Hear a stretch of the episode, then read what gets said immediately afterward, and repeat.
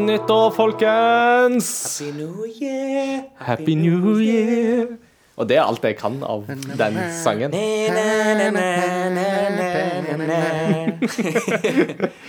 Det er, m- musiker er jeg kanskje, men ABBA har liksom aldri vært min store eh, basil.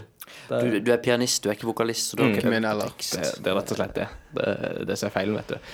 Hjertelig velkommen, folkens, til 2019s første episode av Crossover Gaming. Episode Yeah. 9 totalt sett. Vi er fortsatt ferske, så sjøl inn i Blade Runner-året så holder vi koken. Yes, så folkens, vi skriver 2019. Dette er året der eh, vi begynner å kolonisere fremmede planeter og sende replicants til å jobbe på dem, og så går de haywire, og som om Harrison Ford går rundt i LA og jakter ned på disse replicants.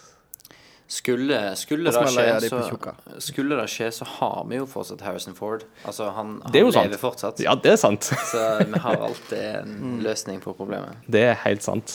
Eh, Men, men vi er ikke her for å diskutere gode science fiction-filmer fra 80-tallet. Er- Selv om det hvis hvis du vil det, så må du bare ta kontakt, altså, du som hører på, for det, det er alltid gøy. Men eh, Mm. det er ikke det vi skal snakke om i dag, da. Det, er, vi er fortsatt gaming. Jeg trodde, du, Ja.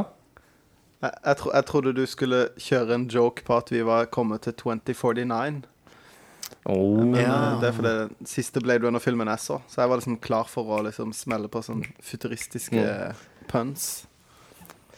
Ikke helt, ikke, ikke helt der heller, men, eh, men en sånn fun fact i den for, Eller en, ikke en fun fact, men en digresjon i den forbindelse er jo det at eh, i forbindelse med Blade Runner 2049 så ble det jo laga tre kortfilmer. Som liksom skulle lade litt opp og lage litt sånn uh, Ja. Altså litt av historien før Blade Runner 2049. Og den ene av de er jo en anime blant, uh, uh, av Mm. Shinichiro Watanabe, som jo lagde Cowboy Bebop i sin tid. Så de, de tre anbefales varmt. Altså, de er kjempegode, de Mm. kortfilmene. Så, men det- det var det. Ja, uh, Mats Jakob, vær så god. Nei, sorry, sorry jeg bare jeg skulle si jeg, jeg så det Blade Runner 2049 med Christian på kino. Å ja. Eh, og da så, jeg, da så jeg de tre kortfilmene på trikken på vei ned til, oh, ja. til Klingenberg kino. Og det var Så jeg fikk liksom Det var x antall timer med Blade Runner den kvelden. Mm. Ja, det var eh, det litt av en filmopplevelse, altså. Ja, det var kongefilm å se på kino, altså. Mm. Fantastisk. Ja, Vel, yes, formen er grei inn i 2019. Ja Oh yes. Yeah, that's good, that's good. Nå er vi klare for nye sprell og spel, ikke minst spill. Så det blir veldig gøy.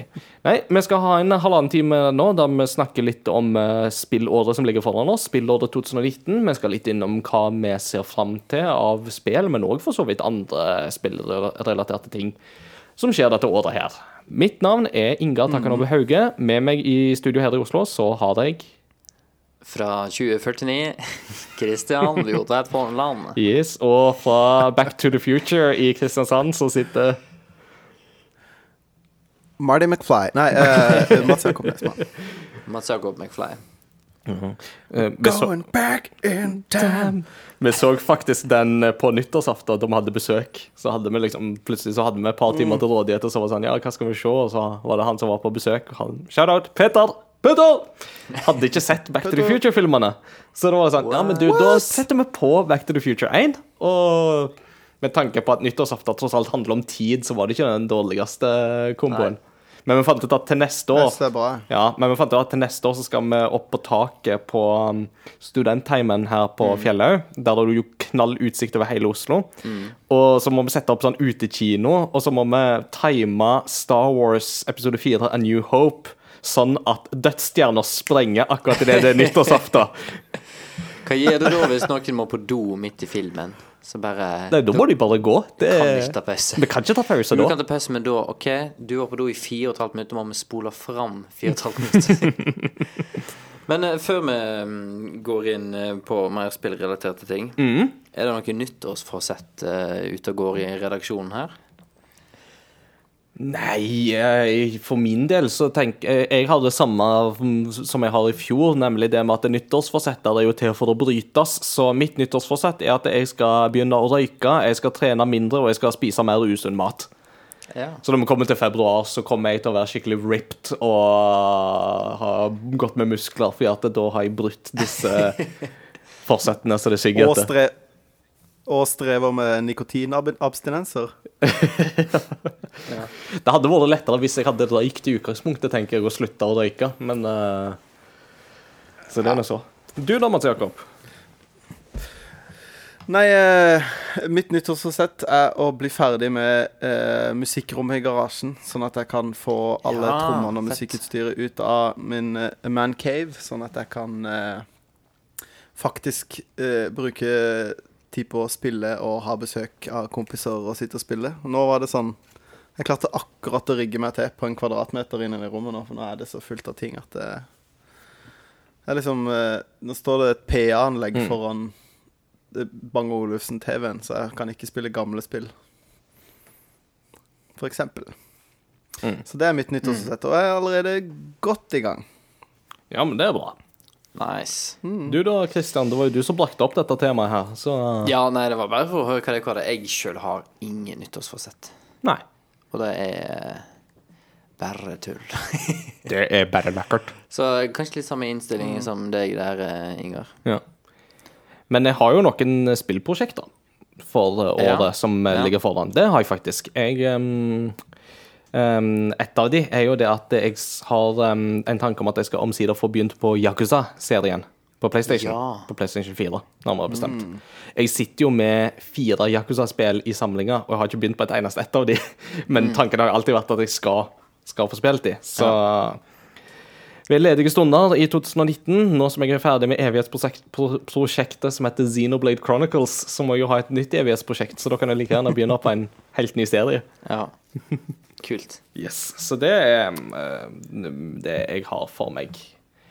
Yes. Vi skal ikke kaste bort så mye tid. Vi skal egentlig bare gå rett videre på um, lytterposten, tenkte jeg, i Oh, yeah. dag. Um, og det er jo da um, eh, litt sånn relatert til til det vi skal snakke om, nemlig spillåret 2019, eh, så har vi spurt lytterne våre på Facebook-sida vår. Hvis du hører på og ikke har likt oss på Facebook ennå, søk opp Crossover Gaming og lik sida vår, så får du gøye oppdateringer to-tre ganger i veka, minst, jeg lover. Mm. På Facebook-sida så spurte vi folk hva ser dere mest fram til i spillåret 2019. Eh, og da kan jeg jo begynne nederst, for så vidt. Og så Ja, jeg, jeg tror kanskje det Hvis vi kan sortere det etter new For at jeg tror vi får litt sånn forskjellig rangering her på Mm. Men uh, ja, vi får bare følge med på hva Mm. Eh, leser. ja. Eh, jeg kan begynne med Sveinung sitt. Uh, Sveinung skriver The Division 2 og The Last of Us Part 2 blir titler man må kose seg med. Ja. Ja, Det er jo veldig spennende. Um, en spennende ting i den forbindelse er jo at uh, The Division 2 har jo nå Denne veka her så har det jo blitt kjent at uh, det spillet kommer ikke til å komme ut på Steam. Nei, ikke sant? Og det er litt spennende. Um, for de som eventuelt ikke er sånn veldig oppdatert på den eh, PC-fronten, så er det jo sånn at Steam har jo vært nesten enerådende når det gjelder salg av digitale PC-spill. Og Steam er jo nesten utelukkende grunnen til at du nesten ikke kjøper, får tak i fysiske PC-spill lenger. Mm. Men de har jo òg hatt en veldig sånn monopolposisjon ganske lenge, og en posisjon de jo egentlig har utnytta litt. Blant annet så har de jo tatt veldig mye penger sjøl for alle spill som blir solgt gjennom Steam. Eh, men det, som har skjedd, det har jo skjedd litt ting der de siste månedene som er veldig spennende. Én ting er jo at eh, Discord, som jo er denne chattetjenesten som en del gamere bruker, har jo begynt med en egen butikk. Men det som er enda mer spennende, er jo at Epic, de som står bak Fortnite, har jo åpna sin egen Epic Store nå i desember.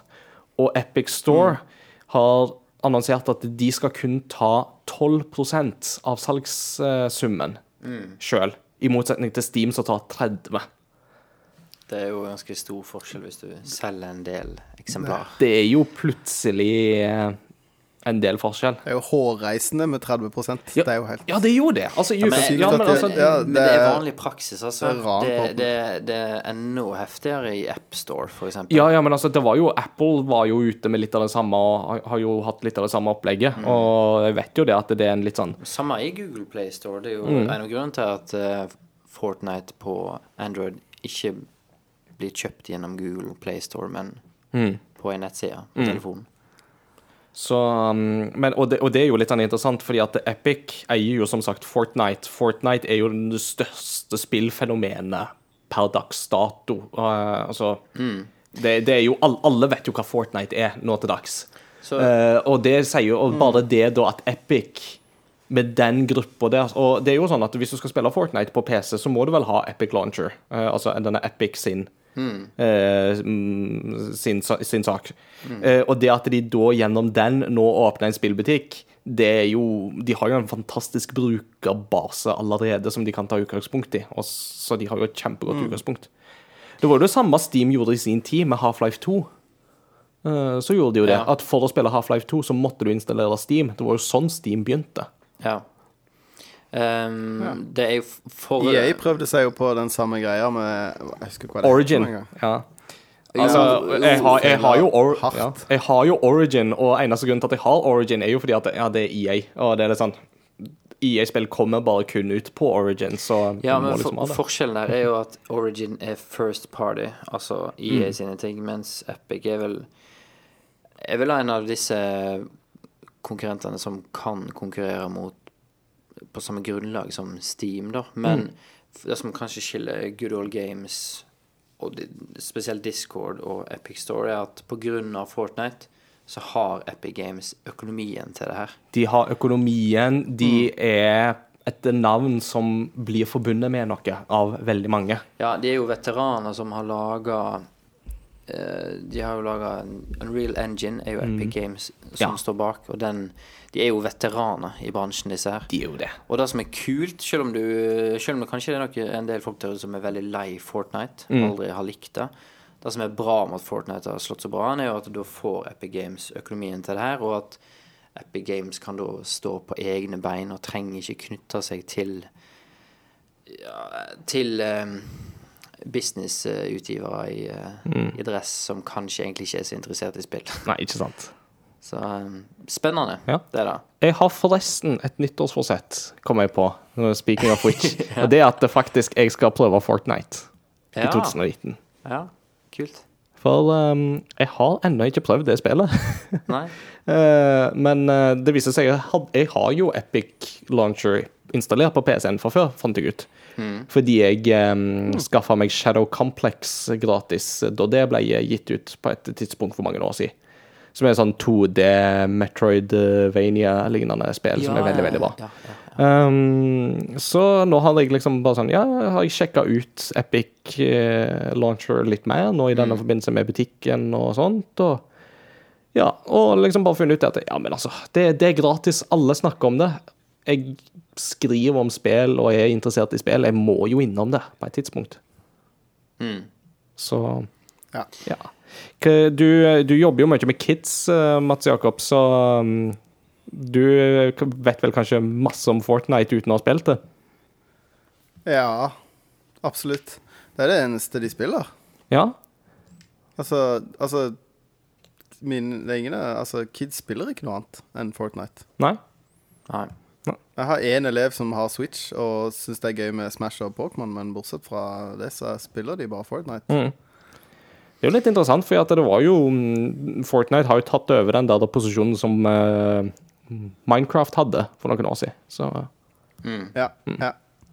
Men uh, tilbake, litt tilbake til svaret til Sveinung her, da. Ja. Så lurer jeg på om, om han Først, om han spilte Division 1, og om han likte Division 1. Mm. Eller om han likte konseptet til Division 1, og håper at Division 2 skal bli ja. bra. For det er litt sånn typisk Ubisoft å ha et veldig kult konsept, mm. og så klarer de ikke det helt med første spillet, men så blir toeren dødsbra. Assassin's Creed, Watchdogs Ja. um, Jeg vet ikke om Far Cry går under den definisjonen. For de fleste så ble jo Far Cry bra med treen. Ja, og så var det ikke Ubisoft som hadde eineren. Nei, nei, nei, stemmer. stemmer For det var jo Crytek. Egentlig så var toeren deres første forsøk. Ja. Så sånn sett er treeren Sånn, ja, samme så oppskrift. faktisk. Så blir det riktig. Skal, Ja. Men vi må gunne videre. Yes, det skal vi, vet du. Lesbos Last Part 2 skriver han. Mm. Har en uh, magefølelse om at det er 2020, altså. Jeg har en tro på 2019, så, Ja. men vi skal komme litt tilbake til det seinere. Ja. Vil du, Mats Jakob, har du eh, Ja. Jeg har det på telefonen, så jeg har ikke den muligheten for å gjøre som dere gjorde. Nei, nei, nei. Så da tar jeg bare neste Mhm. for min liste. Det er Kristoffer Lavik. Mhm. Stemmer det hos dere òg? Yeah. Ja. Der står det Jeg ser virkelig frem til World of Warcraft Classic og Yes. Warcraft 3 Reforged oh. i sommer. Mange timer skal svettes foran dataen i sommer. Work, work, work. Og Warcraft 3 Reforged. What is oh. it? Har brukt så mange timer i Leroy. Warcraft 3. Altså. Job's done. What is it? I'm dead. oh, det Jeg har, jeg, har aldri, jeg har aldri spilt vanlig Jeg har aldri spilt vanlig Warcraft 3. Jeg har bare spilt Frozen Throne Ja. Og Tower Defense og Binders og alle de her eh, moddene. Og jeg må, jeg må fortelle, speaking of mod Den eh, modden til Warcraft 3 Du må fortelle om dine etterpå, Mats Jakob. Men den jeg har spilt aller mest, eh, mange, mange timer med Helge, shout-out, er um, en mod som heter Uh, Bleach versus OnePiece, som er dritkul. Som er sånn at Det starter med at du velger det er to bygninger, da. Så du kjøper deg en hero, på en måte. Velger deg en hero, og da velger du enten fra Bleach eller OnePiece. Og så har de i moden Hvis du velger en, en fra Bleach, eksempel, så har de liksom animert ut angrepene som den karakteren har i serien, Ja. ordentlig ut, med bankai og hele greiene. Ser, ser kjempebra ut. Og Gomu Gomu og Ja, ja. hele pakka. Oi, oi, oi. Og så er det en sånn eh, arena Du har et sånn midtpunkt som du kjemper om, men så har du ganske mange sånn paths rundt hvor du kan eh, ta en del mobs og få tak i bedre items, og så leveler du, og så ta, det tar helt av. Det blir eh, veldig, veldig veldig kult. Nice.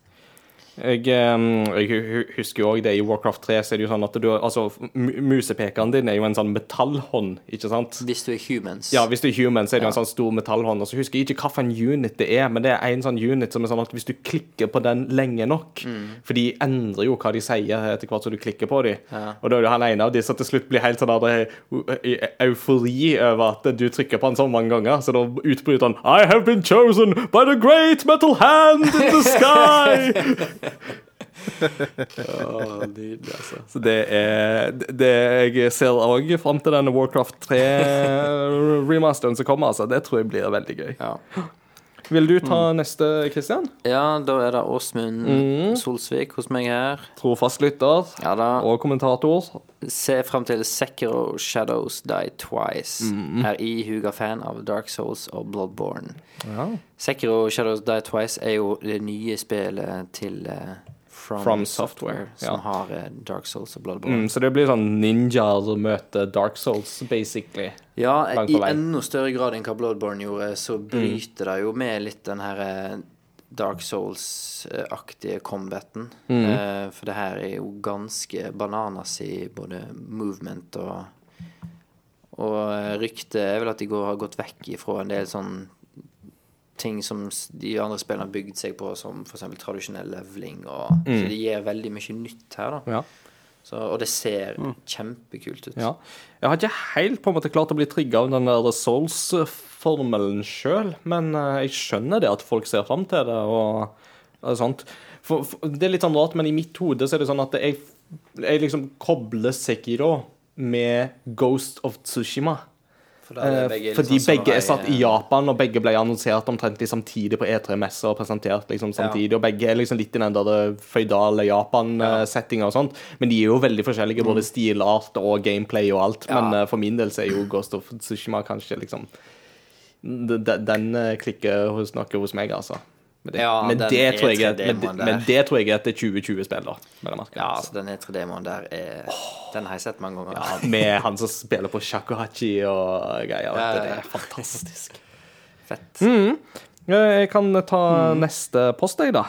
Så mm, Da er det Martin har skrevet en ganske lang en her, så da må jeg bare holde opp eh, telefonen og så bare se at jeg eh, får med hele svaret. Så mm, skal vi se. Jeg ber om Pokémon MMO til Switch i år. Men er villig til å vedde mitt verdifulle Blastoise-kort i glins på at det blir utsatt til minst 2020.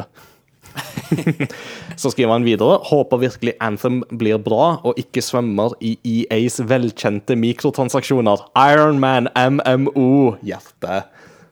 Gleder meg som en liten noob til Sekiro Shadows Die Twice. Tror aldri jeg har blitt mer imponert av en trailer vist på E3. Fytti. Har også varmet opp til Kingdom Hearts 3 med å spille 1 og 2 for første gang, HD Remix. Litt åpenbare PlayStation 2-vibes, men that Disney charm, though. Ellers så skriver han opp Star Wars, Jedi Fallen Order, Fire Emblem, Code Vein. For en tid å leve på her. Kvaliteten på spill generelt blir jo bare sykere og sykere. Referanse pappa som sikkert lekte pinne- og juleleken da han var på min alder, da han ikke måtte jobbe seg til døde og ha tre kids innen en alder av 19. Ja takk til spillopplevelser som kan overgå God of War. Are you not entertained? Åh, livets uh, kommentarer. Det har Det tatt seg god tid. den har, Du har tatt deg god tid der, Martin, til å kommentere, det setter vi stor pris på. Det er jo noen gøye titler som blir nevnt her, sånn som Star Wars Jedi Fallen Order er jo absolutt en tittel som jeg eh, brenner etter å få vite litt mer om. Ja, det er jo en eh, kremgjeng av noen utviklere. Respawn Entertainment, Ja. altså. For noen dyktige utviklere. Det er de som du kan takke for eh, Modern Warfare 1 og 2. Warfare 2 ja. Ja. Og Og- Titanfall 1 og 2. Ja. Så det er flinke folk. Mm. Eh, Titanfall 2. Modern Warfare 2 i mitt hjerte. Ja. Ja. For meg så er det Titanfall 2, altså. Det er jo eh, Altså, det, Titanfall 2 er jo et fantastisk spill, fordi at det er science fiction first person shooter, der du får ha din egen personlige transformer med deg rundt omkring. Det er jo Altså, hvor gøy er det ikke å ha din Med egen. Ja, men altså, hvor gøy er det ikke å ha din egen Optimus Prime, som du bare liksom til enhver tid kan bare hoppe inn i og blaste ting med? liksom, Det er jo fantastisk. Det, det var en ting jeg tenkte på eh, nå når jeg så den kommentaren her, Mm. som jeg tenkte litt sånn i kjølvannet av Pokémon Let's Go. Ja. Og det er at når, når Switch kom ut, så ble det jo Det var vel på denne Nintendo Directen som var rundt E3 etter Switch kom ut. Så hadde du den her filmklippet med at uh, en var innom studioet til uh, Game Freak, og så sa de ja, vi holder på med et nytt kjerne-Pokémon-spill til Switch. ja.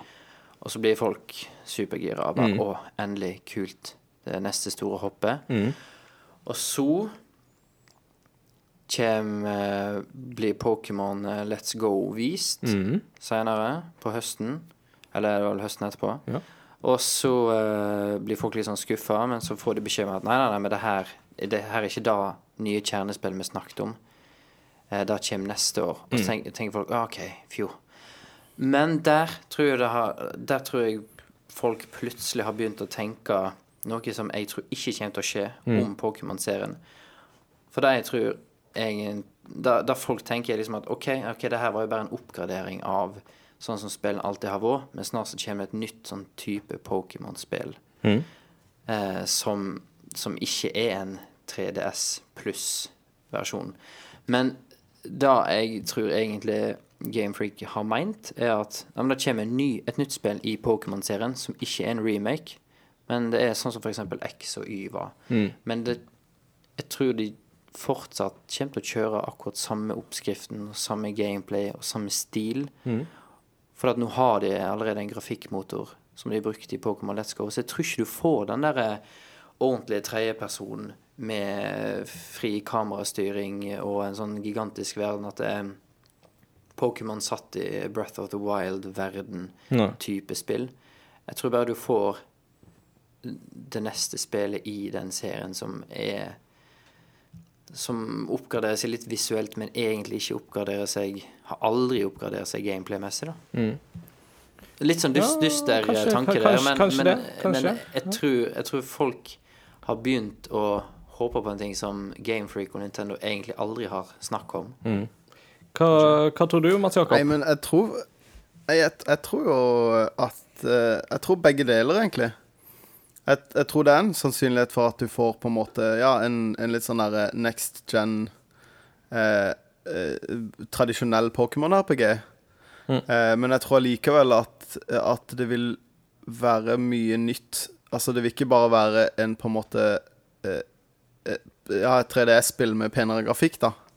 Jeg tror likevel det vil være en del nye funksjoner som vil komme med, og jeg tror ikke det blir en Jeg tror ikke det vil være Let's Go Evie og Let's Go Pikachu bare med liksom nye Pokémon og ny story og en nytt område. Og det er da Gamefreak Jeg tror det blir litt mer. Det er da Gamefreak har gjort til nå, da. At til en generasjon så har de laga en, en engine, og så har de gitt ut alle Pokémon-spillerne i den generasjonen, konsollgenerasjonen, i den engine. Så jeg frykter litt at Mm. Ja. det, det er det som Og- kommer, altså. Men uh, Ja, det kan godt hende, men, men, men jeg, jeg syns jo ikke det er så ille, på en måte. Eller Nei, men, men jeg tror ikke det går i tråd med, med det som internett eh, går og håper på, egentlig. Nei, nei men, men man kan jo håpe hva man vil. på en måte Folk Ja, håper jo på et Open World Zelda-spill i 20 år. Ja. Og så Men det Det var jo ikke sånn at Zelda ikke solgte for det. Eller sånn Folk var jo ikke Folk har jo ikke vært misfornøyd med Zelda-serien, på en måte. Nei, nei, nei Eller, men eh, altså- det, det er der jeg mener at den Den Zelda-tolkningen, det er det folk har lyst på, men jeg tror ikke det er det som kommer. Jeg tror det kommer Pokémon Let's Go 2 med en original story. Ja. på, grunn, Ja, på grunn tror- av sånn ja, som Pokémon. Let's Go turned out, egentlig. Men, eh, Men jeg tror det kommer til å være det, men, men mye bedre, for jeg tror de Det går veldig mye fortere å remake et spill når du på en måte har alt planlagt. Du må på en måte bare lage ny grafikk og, og liksom litt mer story. Og det, var, ikke- sant? det er jo ikke voice acting. Og, så jeg tror det er mye lettere å hive sammen det enn å på en måte finne på noe nytt og legge til noe, da. ja. Jeg, ja. Men eh, Nei, jeg vet ikke. Vi får jo håpe Jeg håper jo at det blir litt mer sånn Litt mer åpent, da. Det trenger ikke Ja, være ja, det er jo da jeg Breath of the Wild, men liksom håper på. Men mer eh, Ja. Ja. Mer åpent. Ja. Jeg tror nok det jeg, Ja, jeg tror nok at sannheten ligger nok et sted imellom, imellom der, eh, som dere er inne på. Og jeg, altså Men vi glemmer fort Pokémon X og Y var jo faktisk De der tok jo serien og tok noen nye steg, ikke sant? Altså Der gikk du fra den veldige topp overfra og ned-viewen til en mer åpen tredimensjonal uh, løsning, som de jo gjentok i Sun and Moon, for eksempel. Eh, som jo absolutt var et nytt steg i Pokémon-sammenheng, for eksempel. Så vi skal jo ikke se vekk ifra at de kan Altså, jeg tror at de vil nok ikke bare de vil nok ikke bare bygge på Let's Go-suksessen og Let's Go-effektene og motorene og sånt, men jeg tror nok likevel at Let's Go gir oss en liten pekepinn på hva vi Ja. kan, kan få. Jeg tenker mest sånn engine-messig, da. Ja. At de viser liksom at det er her vi kommer til å bygge det neste spillet på. Mm. Når det kommer et Pokémon-spill et år etterpå, så vi har ikke en ny engine på et år, Nei. på nei, nei, det er jo så. Ja, det blir mm. teknisk. Men uh, håper på det som du sier, Mats Jakob, og som Martin sier her, men jeg Magefølelsen er Mm.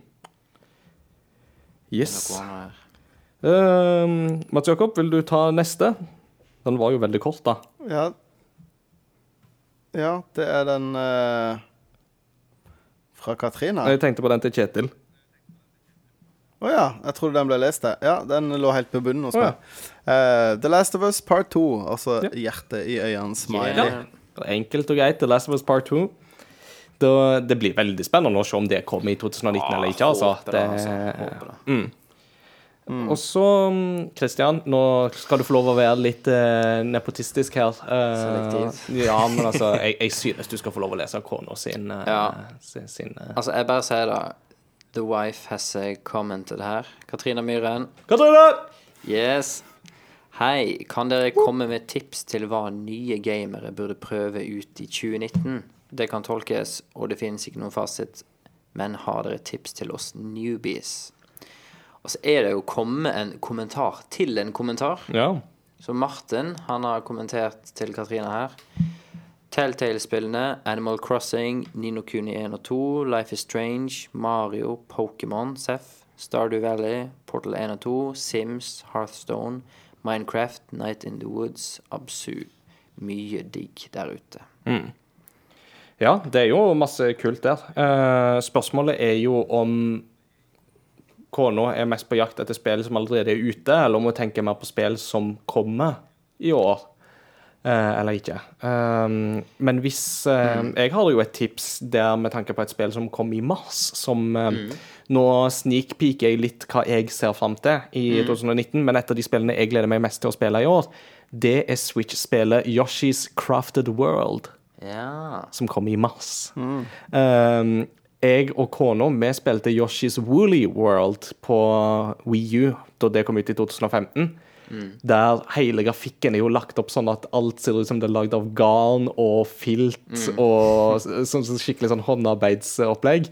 Og Yoshi's Crafted World legger seg jo på litt samme stilen.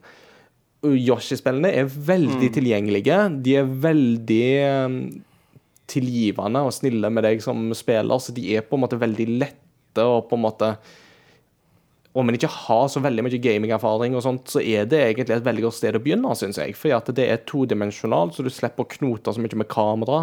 Eh, og det er det der med at det er veldig tilgivende med at du får det egentlig greit med nye sjanser og sånt underveis.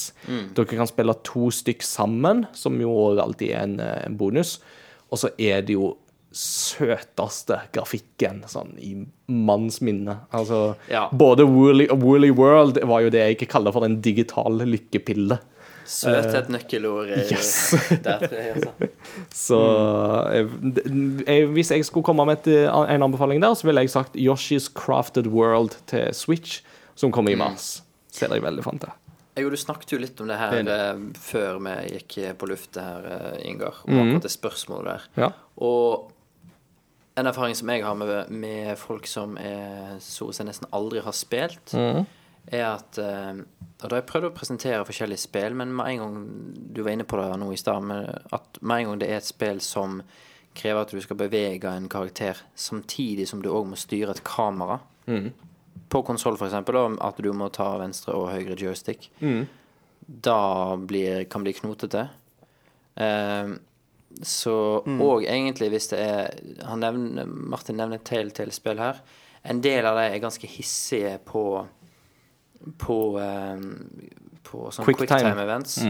Og da krever at du kjenner kontrollen som du holder i hendene. Du må vite at R2 er den knappen bakpå i høyre hjørne.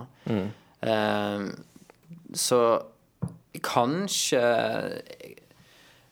spill hvor du ikke har dårlig tid, og eh, som krever at du kun styrer med én joystick, som eksempel Pokémon-spillene. Eh, 2D Mario, kanskje, foran 3D Mario. The Sims kan funke. Ja. Heartstone, skriver Martin. Der, og, eh, der har du litt tidspress på deg, da. ja, men eh, fortsatt så er det absolutt innafor, vil Ja. jeg si. Og kan se den, altså. Mm. Ja. Så um, da kan være et tips. ja, absolutt. Veldig mange gode lytterinnlegg der. Eh, Forresten, Mats Jakob, hadde du, hadde du noen tips du ville komme med på den siste? Til neste år eh, Jeg har liksom ikke Før den podkasten så måtte jeg sette meg ned og bare kikke litt på spill som kommer til neste år. For det, jeg har liksom ikke hatt så mye tid til å følge med på det. Men Nei. jeg er jo enig med Yoshi-spillet, da. Men Mm. Eh, kanskje det, det kommer jo et nytt Animal Crossing. Ja, det kan Det er vi jo jo veldig gjøre.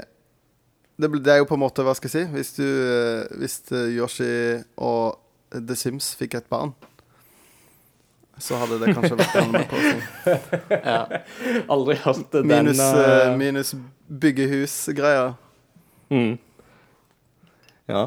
Jeg eh, snakket jo om det tidligere her i podkasten, men jeg og Isabel vi er jo fryktelig gode venner. eh, Isabel i Animal Crossing, fordi at Ja, vi har basically samme jobben. og vi er like masse verdsatt i jobbene vi gjør, det vil si nada, null, niks. Så representation matters.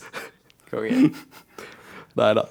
Flotte greier, yes. folkens. Tusen takk for eh, alle innlegg. Og det er jo selvsagt veldig kult at dere stiller spørsmål også til oss på den måten som eh, Katrine gjorde her. Det må dere bare gjøre. Kjøre liksom oppfølgingsspørsmål til oss i kommentarfeltet. Det er veldig kult at dere gjør. Så det må dere bare Bare stå på, folkens. Veldig, Ja, veldig bra. Vi har jo fått noen kommentarer av og til eh, når vi legger ut episoder med folk har hørt episoden og eh, er uenig med oss i ting, eller har lyst til å diskutere ting, og da òg er kjempe, kjempegreit, altså. Det er veldig, Veldig, veldig innafor. Veldig innafor.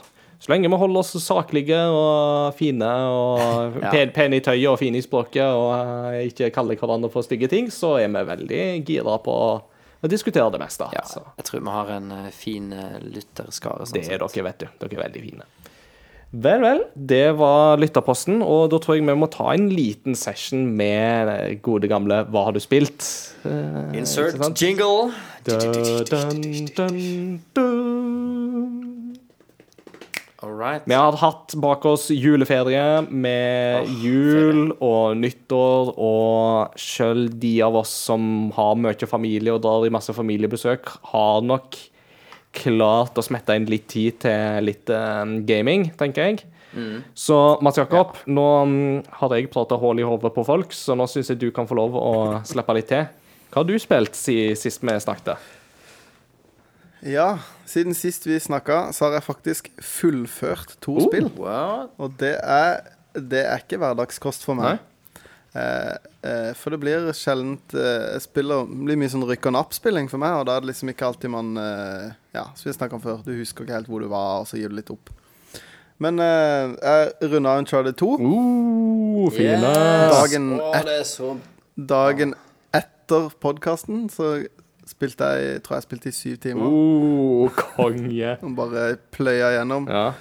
Eh, tok, jeg tok faktisk Jeg var hjemme alene, så jeg tok stereoanlegget fra stua inn på spillerommet og bare spilte med kjempehøy lyd. Fantastisk når du kan gjøre det. eh, og koste meg. Spilte på, spilte på eh, Very Ja. Easy, Ja. eh, som eh, var en helt annen opplevelse enn å spille det på normal, som jeg begynte på, som vi snakka litt om Mm. sist. Eh, og det var Ja, for et gøy spill, Ja, altså. Den Eh, togscenen, her. Skytinga er fremdeles Ja, ja. dritt, men eh, ja, den togscenen, den var ganske spesiell. Eh, veldig gøy med Ja, du skjønner jo det når du begynner å spille, men det er litt gøy at åpninga er litt sånn i medias race. Mm. Mm. Eh, men du vet ikke helt åssen du kommer deg dit, og så plutselig så skjønner du åh, nå kommer jeg dit som Mm. eh, skal være. Men kjempegøy. Og så har jeg runda Owlboy. Hei, hei, hei! ja, fett. Kult. Eh, så det, det syns jeg var, det var veldig Mm. gøy, altså. Det var deilig å bli Ikke deilig å bli ferdig, men det er jo gøy, alltid gøy å bli ferdig er med et det. spill. Eh, og det spillet er jo skrekkelig, skrekkelig Det er det. bra. Absolutt. Så det går med en høy, høy anbefaling Ja. fra meg. Selv om det er et, et litt eldre spill. Eh, Mm. så det var gøy. Og så har jeg spilt eh, eh, Vi snakka jo litt om spill vi ønska å spille Skulle ønske vi rakk å spille, og to av de spillene jeg hadde på den lista, rakk jeg å spille. Konge. Eh, fordi jeg fikk eh, Toki til jul, som jeg hadde på lista Ja. mi. Som er den remaken av et gammelt arkadspill. Mm. Ja. Konge. Eh, kjempekul grafikk. Eh, gøy liksom tolkning av det gamle spillet som egentlig var litt sånn grått og mørkt. Og så har de gjort litt mer sånn fargerikt, men allikevel litt sånn skikkelig. Festlig. eh, som Det er veldig, veldig Det er gjennomført bra remake, altså. Hvordan var det med den her Retro Lectors, eh, var det ikke det? Den heter Retro, Åh. Retro Collector, Retrolector eh, Edition. Jeg tror han var et Retro Lector Edition. Jo, det var veldig gøy. Jeg satt på julaften etter ungene hadde lagt seg og bygde sammen den her arkademaskinen som fulgte med. eh, som eh, jeg trodde var av papp, men er faktisk av tre. Sånne tynne, Wow! fine plater. Eh, med ferdig trykt Det er ikke klistremerker du fester på, det var ferdig sånn silketrykka uh, decals, som det heter Mm. så fint, på sidene og rundt. Så det, den ser veldig, veldig kul ut. Den må jeg ha. Jeg kan legge ut et bilde på eh, Mm. Facebook-sida. Legge ut bilde på Instagrammen òg, så uh, får vi Ja. Eh, og så eh, Så jeg spilte litt, men det er jo sånn Det er jo sånn spill hvor du må Du må lære deg levelsene, på en måte. Du kommer ikke gjennom det uten å Du må vite at å ja, nå kommer det en fiende der, og hvis de ikke hopper med en gang, Mm. så, så dør jeg. Som arkadespill var. De var jo lagt opp til at de skulle være De skulle på en måte friste deg til å spille Det var jo videre. den første mikrotransaksjonen, Ja, ikke sant? absolutt. Så det Det var eh, Ja, funka veldig bra. Anbefaler det. Og så eh, fikk jeg ikke til jul, men jeg ga meg sjøl i julegave. Så ga jeg Smash til meg sjøl i julegave. Yes. Og jeg koser meg gløgg med Smash. Det er Vi, vi tok jo en kamp eh, Ja. der, MJ, på nettet en kveld. Mm. Husker du hvordan det gikk? Ja, jeg knuste det, var det ikke det? Nei, det var sjukt jevnt, men så havna du i en sånn dritjevnt. eh, En sånn uh, typhoon, en sånn virvelvind på den Zelda-banen. Så ble det vel blåst av, tror jeg. Nice. Ja, men jeg vant de to første, da. Og så bytta du til Bowser, og så vant du. Yeah. En liten ja. Nei, jeg rocker, eh, jeg rocker kun Mario i Smash. God med Mario. Det har, jeg har spilt Mario i alle, alle Smash. Men hva med Dr. Mario, da? Eh, nei, jeg har alltid bare liksom Jeg valgte Mario, og så har jeg bare alltid spilt Mario. Så det Jeg hadde på Når jeg, når jeg studerte i Oslo, så hadde vi en eh, Hadde jeg en i klassen min som var helt absurd god i Smash 64. Ja. Sånn eh, Altså, han var Han spilte med Kirby. Det er forresten shout-out til Lasse, hvis han eh, Lasse! hører på. Eh, vet ikke. Lasse! Eh, han spilte Kirby, og han var eh, Det lå så i fingrene at eh, hvis han først fikk tak i det, så, så klarte du ikke å unngå å bli knocka ut. Jeg ser bare for meg Kirby bare ta tak i deg, og så hører du bare i bakgrunnen Omai wabo shindeiru nani? Ja, nei, det, det var litt sånn der eh, men, men bare det, han klarte liksom alltid å få det ut til kanten, og så har jo Kirby en sånn nedoverspark. Som er veldig kraftig, så han fikk det ut. Men det sykeste han klarte å gjøre en gang etter vi så det på en YouTube-video, var at han eh, fikk det ut på kanten. Eller hvis du sto på kanten, så hoppa han rundt deg, og så sugde han deg inn. Og så datt han ned, så spytta han deg ut under banen, og så fløy opp igjen. Så du hadde ikke sjans til å komme deg opp. Konge. Det er Og det er en move som er sånn Ja, hvis du får til det, så er det liksom Det fins ikke noe mer ydmykende enn å bare bli liksom spytta ut under banen, sånn at du ikke har sjans til å Oh, komme deg opp. Eh, nei, så da Da gikk jeg litt inn for å bli god i Smash, og så spilte jeg valg, Da valgte jeg meg en karakter. Den karakteren skal jeg bli god med, og da gikk jeg for Mario, og da har jeg brukt Mario siden. Så jeg er ubrukelig med alle andre karakterer enn Mario. Jeg kan Ja. bare Mario. Uh, jeg må bare få lov å kjøre inn en liten digresjon i Smash-anledninger som ja, har med ferien å gjøre. Er at um, vi var, Ja, ja. Jeg og kona vi var besøkte litt familie på Røros, av alle steder, der vi har litt eh, familie. Og så skulle vi da På fredagen så skulle vi reise fra Røros til Ålesund, for vi skulle gjøre bryllup. Eh, og da hadde vi bestemt oss for at vi skulle fly, for at det var den beste måten, og minst mulig holdt på å si, bilsyke og sånne ting inn i bildet. og sånt. Så da skulle vi fly først fra Røros til Oslo, og så fra Oslo til Ålesund. Men Røros-Oslo-flyet var blitt kansellert. Så da måtte vi ta maxitaxi ned til, ned til Oslo lufthavn. Så da rakk vi jo ikke flyet videre, og sånn, så det ble ikke noe av den turen til Ålesund. Men det som var litt gøy, var at um, i den maxitaxien så var det sånn at hun som satt ved siden av meg, hadde òg Switch. Så når jeg så at hun flekka den opp, så var det bare sånn her eh, Vi har jo lang tur, skal vi spille noe? Ja, ja, sa hun. Da var helt med. Så, sånn, så så jeg liksom på hva hun hadde av spill. Hun hadde jo, vi hadde jo de samme spillene, basically. Altså, det var jo, hun hadde- hun hadde god smak, for å si det sånn. Og da var det sånn Ja, så, så, sånn, ja hva har du lyst til å spille? Nei, Smash, sa hun. Ja, OK. Og så satt vi der i tre kvarter og så spilte vi Super Smash Bros. i en maxitaxi ned Østerdalen. Det var helt konge. Konge.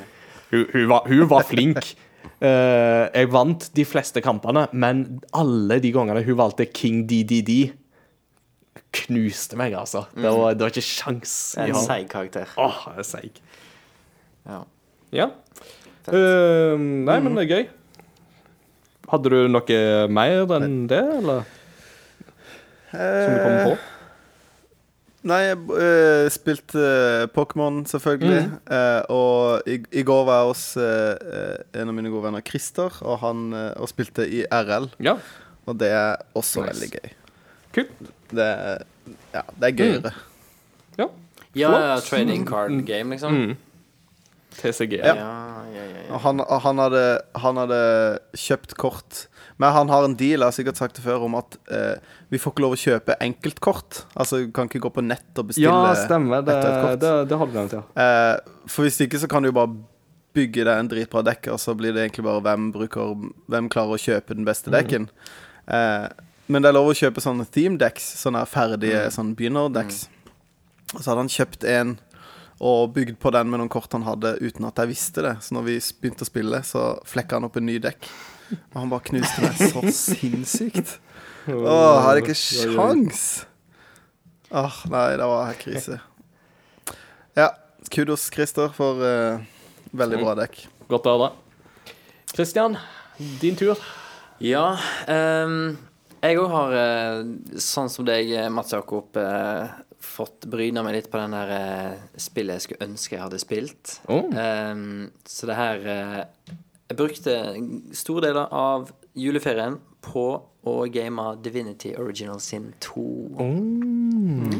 Og jeg har prøvd eneren litt, grann, men, og likte det veldig godt, men toeren, altså, fytti grisen for et kult spill. Det er Det er vel på mange måter litt sånn eh, old school RPG, men satt i et, et spill med litt mer moderne grafikk, da, og en egen egen ganske sånn ny verden med ganske sånn original law. Veldig kule tolkninger på klassiske raser som alver, for eksempel. Alver i den serien her er kannibaler. Så hvis du er i en kamp Alle kamper er turn-based, da. Så hvis du er i en kamp med partiet ditt, og du har en alv rogue, eksempel, som eh, har lite liv, så bare åpner du inventoren, så har du en, en severed hand som du bare Ja, da eter jeg den. Ja, men altså, det er vel vel så sannsynlig det som å begynne å spise 47 wheels of cheese Ja, som du ja. spiser i Skyrim, liksom. Ja. Og så har du en undead-rase som, som har um, Som har muligheten til å lære seg eh, eh, Altså, det er sånn Hvis du går i byene og skal gå til en merchant, for eksempel, da, så eh, kan han for eksempel nekte å snakke med deg, eller nekte å selge deg ting, for at du har et skjelettansikt. Så da må du lære deg en skill som gjør at du kan stjele ansikt til andre folk. Ja, Ha på deg ja, riktig, fake riktig. ansikt, Nå sånn at du det. Ikke framstår som undead. Eh, og så har du en del ting i kampene som kan minne litt om liksom samme sånn em, fysikksystemet som du har i, i Breath of the Wild, Selda. For hvis du mm, Du kan ha en, en kamp mot en gjeng med banditter, og så ser du at Oi, der står det ei oljetønne. Eh, og så tar du med archeren din, skyter hull i den oljetønna. Så renner du ut olja. Så er det magikeren din sin tur. Så sender du en sånn fire eh, Et eller annet firebasert angrep på det området der. Og da eksploderer området og tar fyr, for da det lå olje på bakken. Og hvis den, den brannen kan spre seg komme, hvis, hvis du går over brannen, eksempel, og begynner å ta fire damage, så kan samme magikeren eh, hive en rain spell eller noe sånt, sånn at flammen går vekk. Og så kan du på den måten liksom leke veldig mye med omgivelsene, da. Kan Og, eh, veldig, veldig kult spill. Um, Jeg prøvde meg på Divinity Original sin 2, men det var et eller annet med, med formelen som ikke helt løsna hos meg. Altså. Så det var sånn, Jeg skjønner veldig godt at folk liker det, og jeg vil Ja. veldig gjerne like det, men etter sånn ti timer så Det løsna ikke hos meg, altså. Og da Så jeg datt av, jeg, dessverre. Um, ja, det er nok litt sånn Det, det er sikkert en, Men- men det en type ja. som Det er sånn Det er ikke alle som Nei, men, men altså, det er jo sånn Hvis du vil ha noe sånn old school Boulders Gate-type spill, så er jo dette absolutt noe å gå for. Og hvis du liker Dungeons and Dragons og sånt òg, så er jo dette veldig absolutt for deg. En av de kuleste spillene som er kommet ut av eh, Kickstarter. Det er jo et Kickstarter-spill, Ja, det her. som jo faktisk ble en suksess. Det, det er jo ikke alt av Kickstarter som blir. Så. Nei. Spilt med Warframe, selvfølgelig. Mhm. Få tak i enda flere sånne drakter. Storkose meg. Det er så utrolig bra. Mhm. eh, og så har jeg spilt og gjennomført Gri. Ja! Eller Gris, eller ja. gris. Gris. Eh, gris. ja. Og eh, var nok eh, Jeg burde nok satt Pass på liksom, at jeg var i det rette mindsettet når jeg satte meg ned for å spille det. Men eh, så hadde nok kanskje ikke en like sånn sterk opplevelse som du hadde. Men hadde vi hatt priser i fjor for eh, beste design, for eksempel, så hadde det lett gått til Gris, altså. Ja. Nydelig akvarellmaleri, det der, altså. ja, det er fantastisk, altså. Ehm, og eh, Smash Ja. spilte en del. Eh, spilt med litt forskjellige folk online. Veldig kult. Uh, men jeg har lyst til å snakke litt om uh, Det blir jo på en måte ikke et spill, men det er nesten et spill. Men jeg har sett Jeg er veldig glad i en TV-serie som heter Black Mirror. Mm. Og de har kommet med en interactive film. Ja, den heter Boulder Snatch. Bandersnatch. Bandersnatch. Yes. Ja. Og for de av dere som ikke har fått med seg det, hva, hva det her er for noe da, Black Mirror er en, en serie hvor eh, det er på en måte sånn, en slags novellesamling. da Alle episodene er sånn enkeltstående. Og det som er felles for eh, serien, er at han tar for seg liksom, teknologi og den mørke sida ved teknologi. da Hvordan eh, ukontrollert teknologi, eller liksom, hvordan teknologi kan være veldig negativt for mennesket. Eh, og, eh, og hver episode har um, en egen sånn teknologi som er kjernen, da. Eh, en episode jeg er veldig, veldig glad i, jeg husker ikke hva den heter, men det er episode én i sesong tre som handler om en sånn sosiale medier som liksom er gjennomsyra i i uh, verden, da. Så det er at folk driver og rater hverandre. Mm. Er det den der de får hyggelige- poeng opp og ned? Ja, og sånn? Ja, ja. Som jo basically er blitt ei greie nå i Kina. Ja.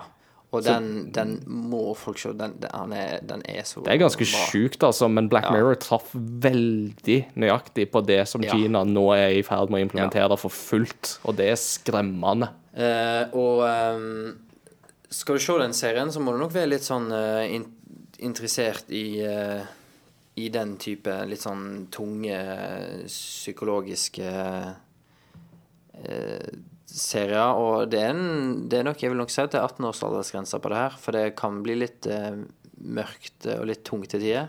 Eh, og litt voldsomt. Men eh, Men eh, nå i juleferien så kom da altså Black Mirror Bandersnatch ut, som ikke er en episode, men en spillefilm. Og en interaktiv spillefilm, så da var ikke jeg klar over. Jeg bare så Black Mirror hadde kommet med noe nytt. Bare, ah, fett. Satt meg ned med PlayStation på, ved TV-en og skulle se. Og så plutselig eh, OK, er du redd for spoilere som er de første fem minuttene av filmen, så hopp eh, ti minutter fram i episoden, for nå går vi litt inn på det. De første fem minuttene, altså. Em, du starter filmen, og så skjønner du fort at eh, det her handler om en ung gutt som sitter hjemme Det her er på 80-tallet, da. Konge. Så sitter han hjemme og programmerer et spill. Han eh, holder på, liksom, på å lage et dataspill. Og så eh, får du se litt av det som sitter og programmerer, prate litt med faren sin ved frokosten, og så kommer det fram at han skal på jobbintervju, da. Så da skal han til et sånt spillselskap og vise fram demoen sin. Og håper at liksom de liker det, da. Og så, idet du sitter ved frokosten, så plutselig begynte det å dirre i PlayStation-kontrollen. Og så går det liksom, får du en sånn black bar opp helt nede, og så kommer det opp. Så står han faren og spør ja, hva frokostblanding har du lyst på. Har du lyst på Frosties, eller har du lyst på Cheerios, eller et eller annet sånt. Og så plutselig kommer det opp at du må velge en av disse. her. Ja. Hæ? Og så bare OK, fett, fett, fett. Og så valgte jeg Det er sånn sånne gamle sånne FMV-spill som Ja. jo de eksperimenterte med på 90-tallet, tidlig 90-tallet. Ja, men det, det er gjort veldig, veldig smakfullt, for at du tar et valg, og så, og så er det Det er ikke sånn at bildet stopper opp. Så scenen fortsetter å spille, og så i dag liksom valget er tatt, så, og time, når timeren har gått helt ned, så sklir han liksom over i neste scene, og lyd og musikk fortsetter, så du får ikke en sånn opphakka opplevelse. Men eh, det som er så kult, er det som skjer litt senere. Eh, han er hovedkarakteren, hiver seg i, på bussen, og så kommer han til det her spillstudioet, så hilser han på liksom stjernedesigneren da, i studioet, så hilser han på sjefen, og begge de to skal være med på jobbintervjuet. Så går du inn, og så viser du liksom demoen, og så blir han sjefen skikkelig gira, da. Og så sier han liksom Ja, OK, vi har lyst til å satse på det her. Eh, har du lyst til å begynne å jobbe hos oss? Du kan gjøre ferdig spill hos oss, og så bygger vi et team rundt deg, og for det, det jo det her budsjettet, og så får du så og så lang tid på deg. Og så er det bare sånn her Og så ser du at karakter, han hovedkarakteren bare Wow, fett, fett, fett, fett, fett. Og så dukker det opp et valg. Accept, decline. Huh. Og så ta, trykte jeg selvfølgelig accept. Og så snur han stjernedesigneren seg til hovedkarakteren. Legger hånda på skulderen, så bare chose the wrong path, man. Og så blinker han, og så bare Og så går han, liksom. Og så hopper plutselig eh, filmen ganske langt fram i tid. Og så får du da, da Som du da skjønner at Oi, nå har jeg fått en Nå er filmen ferdig. Og da har du fått en av de mulige sluttene. Og så skjønner du med en gang bare OK, så han stjernedesigneren er tydeligvis da en karakter som driver liksom og bryter veggen. Og snakket egentlig til deg som eh, publikum. Og så får du muligheten til OK, vil du gå tilbake Vil du se end credits, eller vil du gå tilbake til da-valget? Trykker du for å gå tilbake til det valget, så får du en sånn kjempekjapp recap, sånn at du skjønner hva path du er på. Så kommer vi tilbake til det her OK, accept eller decline. Og så Og den typen valg eh, og den typen kommunikasjon mellom spesielt han stjernedesigneren eh, som egentlig snakker Som snakker til hovedpersonen, men da egentlig til deg, det, den skjer flere ganger gjennom filmen. Og du, jeg tror jeg opplevde en sånn åtte-ni forskjellige slutter før jeg liksom var ferdig, da. Og det var en vanvittig kul opplevelse. Ja. Så det anbefales Kult. på det sterkeste. Men igjen, em, ta aldersgrensen på alvor. Ja. For det er både Ja, både litt sånn at det kan være ganske mørke temaer og veldig interessante, men noen kan kanskje oppleve det veldig, veldig tunge og voldsmessig òg, at en, en bør skjønne hva en går inn i, da. Ja. Og hvis du, hvis du er, ikke har noe problem med det, så er det en vanvittig kul opplevelse, altså. Jeg har bare ett spørsmål til dette Ja. her. Når rulleteksten da popper opp, dukker det opp 'Directed by David Cage'. Kunne vært. Kunne vært, altså. Hadde det vært så vel, så kunne han slutta å lage middelmådige spill. Ja. Men uh, jeg, jeg ser at det er, det er flere på nettet som bare ah, det her var ikke så um, Ja, den har fått veldig blanda. Men da syns jeg er litt sånn Det, det handler litt om, eh, om hvordan du vinkler det her, da. Mm. Jeg ville sagt eh, at et veldig kult og modig steg i en veldig spennende retning. Mm. Istedenfor å si at, eh, at det her er ikke den beste filmen jeg har sett. Mm. Så det er på en måte Det er et veldig, veldig spennende konsept, altså. Ja. Så Nei. yeah. Kult. Men en, en, en ting i forhold til det Jeg har sett på Netflix Ja. og, eh, siden jeg har barn, at uh, uh, Telltale sin Minecraft-serie ligger som en film på Netflix. Ja, er den ute nå? Det var jo Ja, for Ja. det var jo en av de tingene som jo Telltale fortsatt skulle jobbe med. Da de Da alle de 250 ansatte fikk fyken, så var det jo bare et sånn skeleton crew som ble igjen for å ferdigstille prosjektet med våre samarbeidspartnere.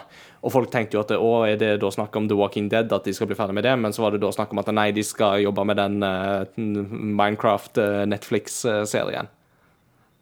Jeg Jeg har ikke testa det ut ennå, men uh, det er flere sånne barneserier hvor du kan liksom ta valg, ja. som har kommet nå rett alle Iallfall litt før denne her eh, for- for- ja.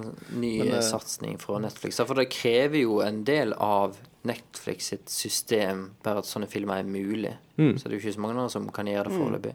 Men jeg, bare, jeg hadde skrevet et notat her som jeg, jeg bare må si Ja. om den filmen. Får du det kjapt? Og det er at um, igjen en sånn her eh, hint uh, til deg som publikum og du som spiller, på en måte, da. Så er det en låt som blir spilt i starten av um, I hvert fall før det jobbintervjuet her, en eller annen plass. Jeg husker ikke når. Om det er på bussen eller hva det er, så han sitter og hører på musikk. Men hvor eh, teksten er 'Relax, don't do it'. og så bare sånn derre ikke ta det Ikke si ja til tilbudet tilbud på jobbetur, liksom. Det er ganske mye sånn eh, gjennomsyra kule ting der, altså. Nice. Ja.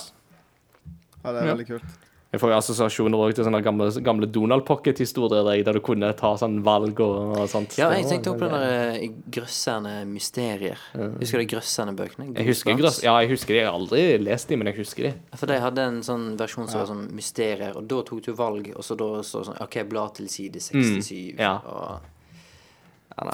Men hele historien er jo til den Bandersnatch er jo basert på en sånn Choose Your Own Adventure-bok som heter Bandersnatch, er ikke det? Jo, i hvert Jeg vet ikke om den fins på ordentlig, det har jeg ikke sjekka, men i, eh, i filmen så Ja, i, i filmen, Ja. sånn, ja, selvfølgelig. At han lager et spill av en Choose Your Own Adventure-bok. Ja, så Så det er litt sånn meta, det òg. At det er liksom Choose Your Own Adventure Ja.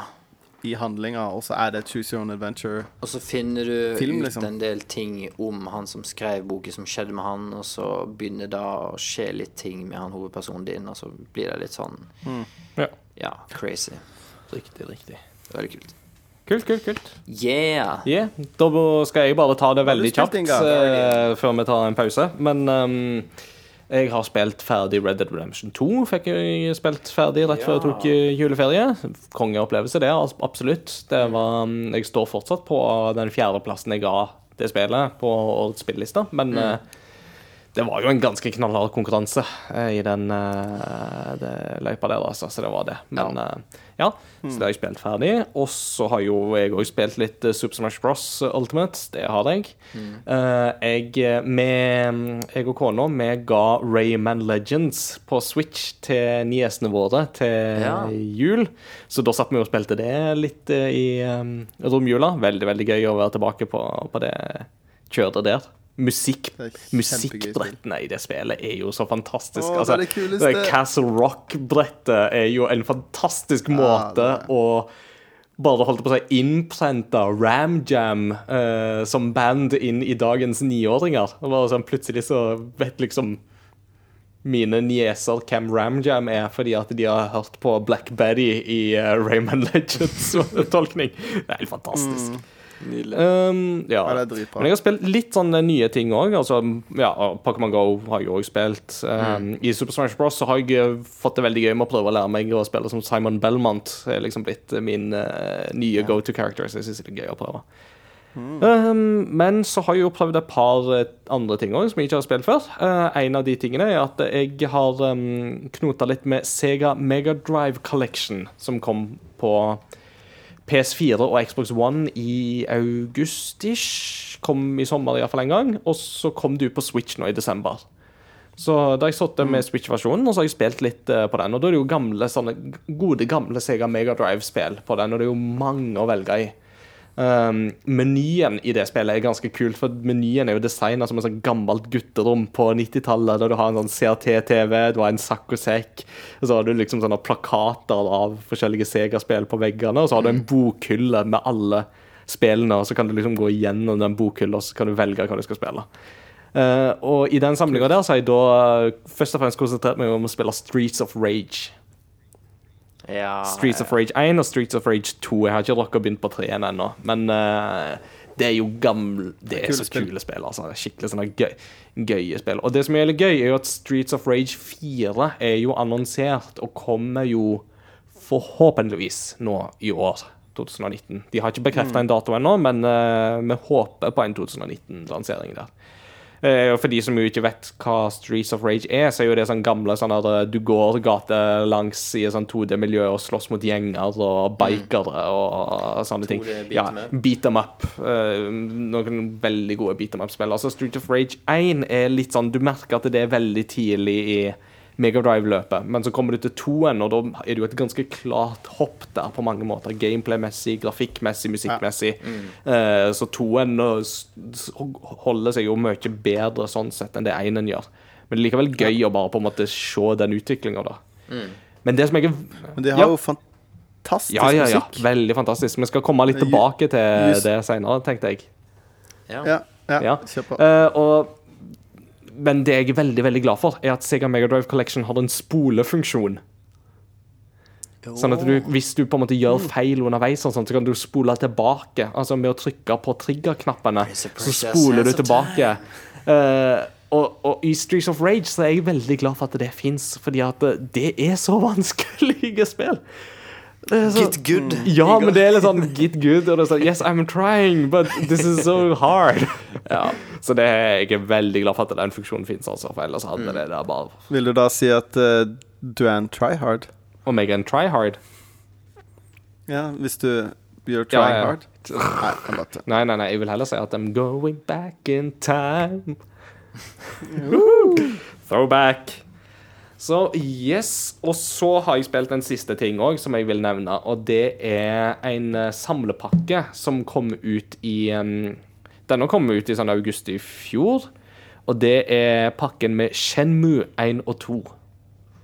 Ja. Ah, kult. Shenmue var jo eh, hjertebarnet på Dreamcast til Yu Su Suzuki. Hva er han heter? Yu Suzuki heter han Ja. jo. Um, og treen kommer jo omsider nå i år, i 2019. Eh, så det er jo litt for å varme opp til det, og litt fordi at jeg faktisk har jo ikke spilt disse spillene før. Um, og jeg nevnte jo også det at jeg har jo lyst til å spille Yakuza-spillene, men folk som har spilt Yakuza uh, når det liksom er snakk om Shenmue og Yakuza, så sier de liksom sånn at Shenmue da har ikke Elders godt spill, heller Yakuza i stedet. Eh, og jeg skjønner litt hva de mener. Jeg skjønner veldig godt at Shenmue var et legendarisk spill da det kom i 1999. Men det er Altså, den HD-re-releasen som er gitt ut, den er ganske slett arbeid, altså. Det er gjort veldig lite med den. Ja. Annet enn å bare gjøre det tilgjengelig for PlayStation 4 og kjøre med oppdateringer. Blitt bra anti-aliasing, men um, lyden, for eksempel, er Den er grell, altså. Det høres ut som liksom Alt er snakka gjennom en trakt. ja. Jeg har ikke Uh, gjort så veldig mye med den. veldig sånn mono, dårlig kvalitet på lyden. Og så er det jo det med at i Shenmue så er det jo sånn at tida går, og det er sånn at du må vente på tid, og at eh, ting skal skje. Uh, og jeg har brukt fryktelig mye tid i Shenmue på bare å stå og vente på at klokka skal bli riktig. Og det sånn, Dere kunne ha implementert en wait-funksjon av et eller annet slag i den der eh, pakken. Kom an, det, det hadde ikke skada. Det er jo sterk samfunnskritikk. Ikke sant? Men, men samtidig så er det litt gøy òg. Altså, det er den der altså, open world-spill i litt mer sånn lukka miljø. Sånn som altså, GTA-spillene skylder Shenmue masse. Eh, Yakuza skylder Shenmu masse. Uh, og denne her med at du liksom kan gå rundt og interagere Ja. med alle mulige slags ting i miljøet. Det, det er teknisk avansert for å være 1999, altså. Det, det er det absolutt. Ja, og God of War-serien. jo, er jo uh, Ja, ja. Shenmue-serien er jo the mother of quicktime events. Ja, ja, ja, og det var litt av det, siden du nevnte dette med quicktime events og Telltale, så tenkte jeg at jeg skulle nevne det, men Shenmue var jo det første spillet som vi vet om med quicktime events. Og fun fact der, i Shenmue-guideboka til Dreamcast, så heter det ikke quicktime, men det heter quicktimer event. Så det at vi kaller det quick... We've been living a lie! Yes, it's a lie, people! Wake up, sheeple! What? Så det er en, en sånn uh, greie som folk liksom tenker ja, Kjenn var først med quicktime. Nei, nei, nei. kjenn var ute med quicktimer-event, og så kom det quicktime-event senere. Men uh, Mats Jakob, du skulle si Ja, jeg bare skulle si at i Du snakka om du spilte Sega, gamle Sega! Sega-spill, og i Shenmue så kan du gå Sega! Eh, så kan du gå inn i en arkade, og så kan du spille eh, Altså perfekt emulerte versjoner av Sega Ja. Arkadespill, blant annet Space Harrier Hang-On. og eh, eh, Super Ja. Hang-On, ja. Og du kan spille den eh, Hva heter det der eh, Ferrari-bilspillet? Det heter eh, eh, eh, Ja, jeg, jeg husker ikke helt, men eh, ja, det stemmer, eh, det. Og det er jo en sånn veldig kul Outrun heter det. Outrun. Formula. Outrun heter det. Mm. Kan du spille Outrun? Det har ikke jeg funnet. Jeg har tror ikke funnet det. Outrun i Shenmue okay, kanskje 1, men kanskje det er i Shenmue 2. Det kan Ja, hende. kanskje det. Ehm, så, nei, nei, ja, det er jo en veldig kul ting, det der med at du kan At det, se, gamle Sega-spill er emulert inne i det. Og det er jo noe som de har videreført i Yakuza-serien i ettertid, så det er jo veldig kult. Så jeg har spilt ble ferdig med Shenmue 1 i går, faktisk. Og begynner på Shenmue 2 ved første og beste anledning. Uh, men uh, nå har jeg et Game Reactor-prosjekt som jeg ikke kan snakke så mye om nå i denne episoden. Det kan jeg snakke om i neste episode.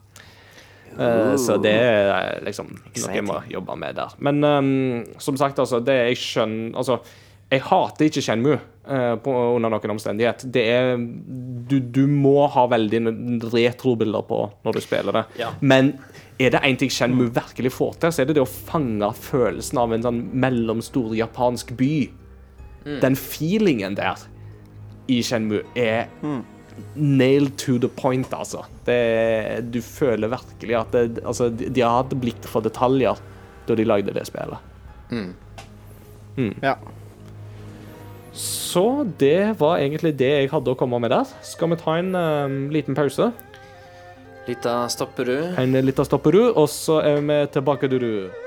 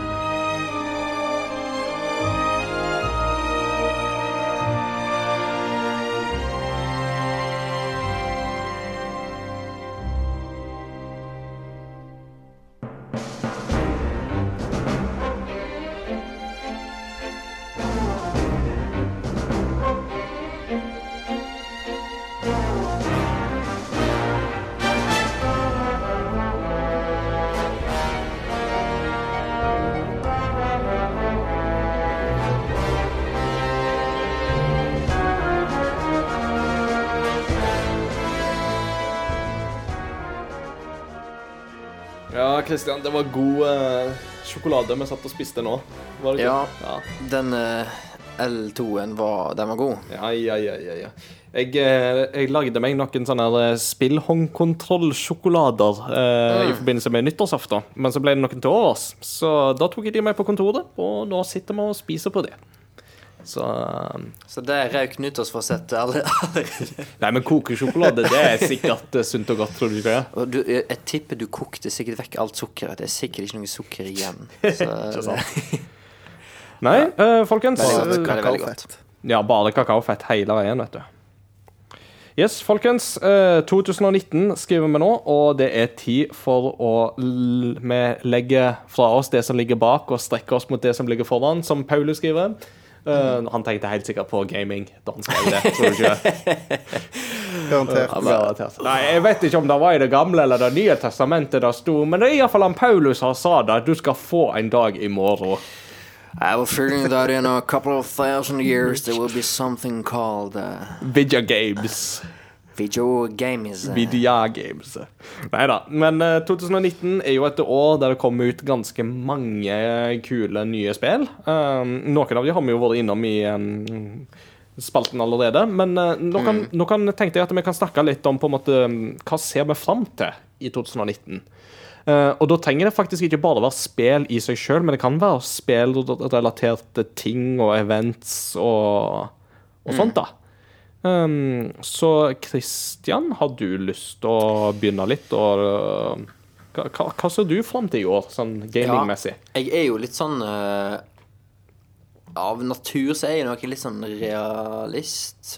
Så jeg har Jeg kommer nok ikke til å nevne, selv om jeg på en måte nevner det nå, så, så tror jeg ikke The Last of Us Part 2 kommer ut i 2019, og heller ikke Ghost of Tsushima. Mm, ja.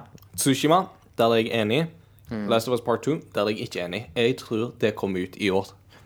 Jeg tror det um, Sony trenger um, å holde på det momentumet de har hatt i 2018, med gode eksklusive spill, og jeg tror at de vil pushe veldig på for å få The Last of Us i år. Ja.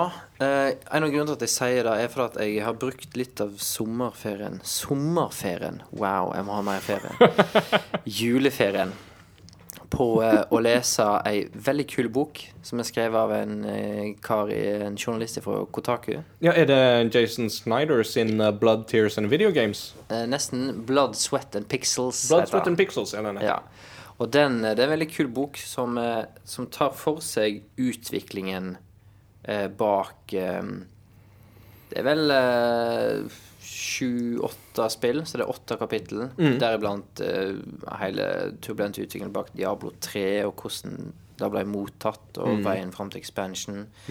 Pillars of Eternity, Destiny Jeg har ikke kommet til Han skriver vel litt om Star Wars 1313 òg, som aldri kom ut. Ja. Og så skriver han òg om Uncharted 4. Oh, ja. Og da får du litt innblikk i uh, The Last of Us Det første Last of Us og Uncharted 4 er begge to laga av to regissører. Eh, Neil Druckman og eh, Husker ikke han siste. Eh, og de var allerede ganske slitne og utbrent etter å ha gjort The Last of Us. Men litt for å redde Uncharted-serien og redde studiet, så ble de ganske Og redde resten av gjengen de hadde jobba masse med. Så ble de Så kom de inn i Uncharted 4 og tvang seg liksom gjennom å, å få det spillet liksom back on track og få det fullført. Ja. Og da var de så slitne at han, ikke Neil Druckman, men han andre regissøren, da, Bruce et eller annet, han har trukket seg ut av Naughty Dog. For han nå er han nødt til å bare ha Han må ha fri. Han må ha eh, fri eh, på Mm. Ja. Veldig forståelig. Tid. Ja. Uh, og ehm, mens Neil Druckman har gått videre til å jobbe med The Last of Us 2, da.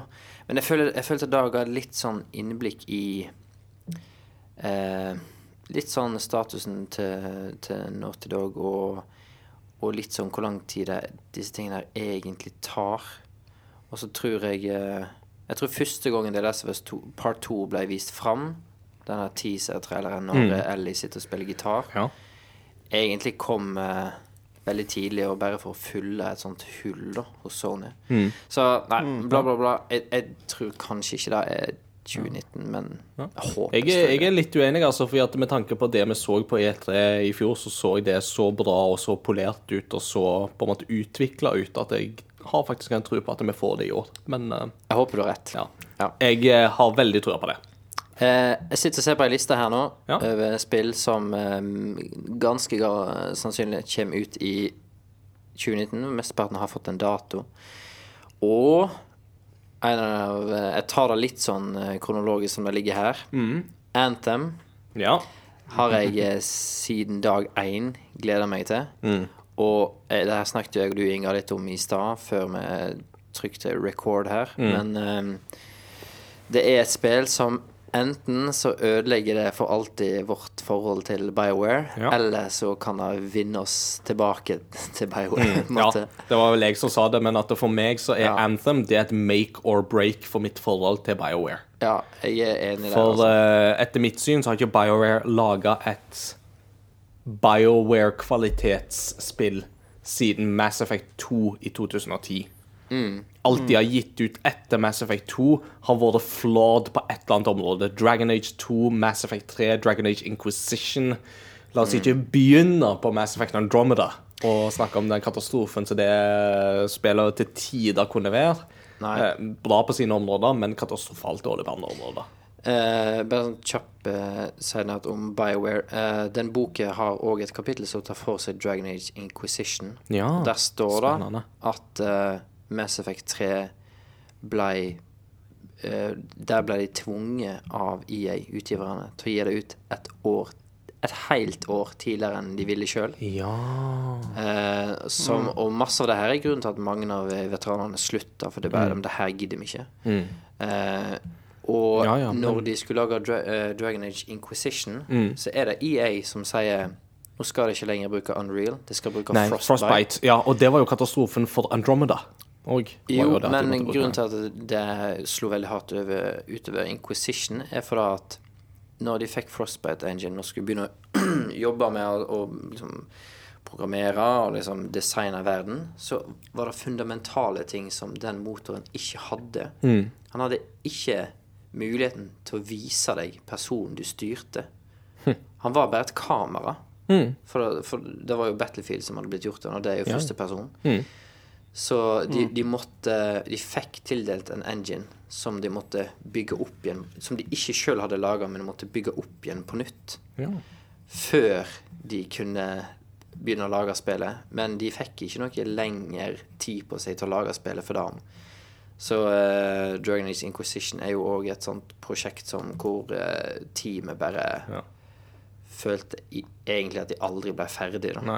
Du, siden det jo tross alt er en Kotaku-forfatter som har skrevet den boka, Mm. så har jo Kotaku mm, gikk jo litt inn på Mass Effect Andromeda og sånt òg, og den prosessen rundt utviklinga der, og hvorfor det gikk så galt. Mm. Uh, og det, er jo, det de jo på en måte påpeker der, og som har blitt påpekt andre plasser òg, er jo det at Frostbite er en fantastisk bra grafikkmotor for det den er tiltenkt. Nemlig spill som Battlefield og lignende. Men å tvinge den til å gjøre ting den ikke er designa for, det er Frostbite fryktelig vanskelig på. Ja, så bare det her med, med å få opp en character screen og se karakteren din og med stats og sånt. Det her handler ikke bare om det visuelle når vi snakker om en grafikkmotor. Det handler òg om game engine. Altså hva tillater spillemotoren at du kan få lov til å gjøre. Ja, ja. Eh, Det handler ikke bare om det visuelle, men om liksom Kan du eh, ha et RPG-system? Kan, du kan du trykke på pause? Masse sånne ting måtte liksom Ja. Sa motoren bare ikke Motoren åpna ikke for at Ja, det her kan gå fint, men han sa liksom nei, det her går ikke. Så bla, bla, bla. bla. Ja. Anthem, da, nå tror jeg de har fått nok tid på seg, da. Så jeg håper at de nå eh, ikke sliter med, med motor, men at de kan bry seg kun om spill. ja. Og det er mm, Ironman MMO for the win. Ja, når uh, først de viste første sånn gameplay og uh, kjempefint visuelt, kule de draktene Men når den drakta hopper ut av det her tårnet første gangen, og liksom setter i gang de flygemotorene Oh yeah. det er fett, altså. Jeg håper det blir bra. Ja. Uh, det gleder jeg meg til. Uh, Sekiro ble jo nevnt i stad. Ja. Det ser jeg òg veldig fram til. Ehm, og så eh, en serie som jeg syns er veldig veldig kul. Jeg har ikke spilt alle spillene i serien, men jeg har spilt de tre siste. Og det er faktisk Devil May Cry-serien. Ja, for femmen kom jo ut uh, nå i år. Ja, jeg lurer på om det er i mars, kanskje. Ja, det er kanskje så Eller- tidlig det kom ut. Ja. Eh, eller februar. I hvert fall. Da gleder jeg meg veldig til. Mm. Et uh, beat em up-spill uh, laga av et japansk studio. Det er vel Capcom? ja, det er Capcom Ja. som står bak. Gode, gamle Capcom. Mm. Det blir jo litt interessant, fordi at uh, du hadde jo Devil May Cry kom jo liksom med den formelen i sin tid. Ikke sammen med sånn veldig fast-paced bam, bam, bam, bam, bam, beat them up. Uh, moderne type beat them up-spill. Og så gikk jo en del av de utviklerne uh, som gikk, lagde Devil May Cry, gikk jo siden, til Platinum Games og lagde Bayonetta. Eh, som jo har overtatt og videre perfeksjonert den formelen ganske bra. Ja. Eh, så det blir jo veldig spennende å se om Devil May Cry 5 klarer eh, på en måte å konkurrere mot den fast-pace beat them up-formelen som Bayonetta har perfeksjonert så til de grader. ja. Gleder meg til å prøve det. Det ser nydelig ut. Det bruker Det samme grafikkmotor som Resident Evil 7, tror jeg. Mm. Og da bringer vi inn på Resident Evil 2 remake, Yes. som ser Det dødsbra ut. rett rundt hjørnet nå. vanvittig skummelt. Så jeg har veldig, veldig lyst, samtidig som jeg gruer meg. Samme her. ja. Uh, og så uh, et eh, PlayStation-eksklusivt spill som ikke blir snakka så veldig mye om. Eh, men Days Gone Ja.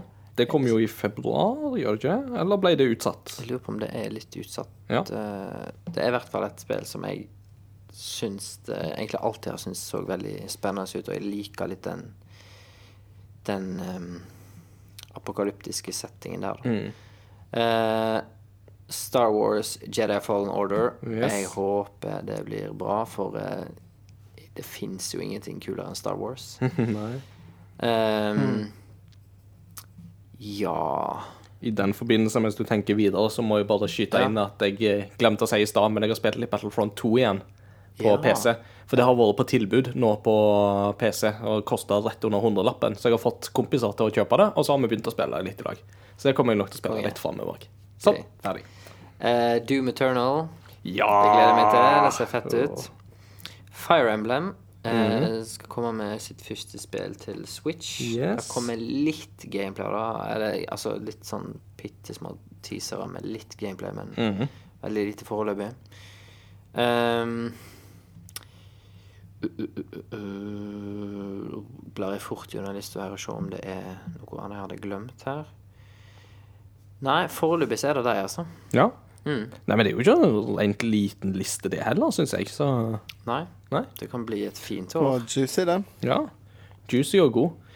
Hvis du liksom skal si det aller mest du ser fram til i år Hvis jeg skal gå på rein sånn uh, Hva jeg er mest gira på akkurat nå, mm.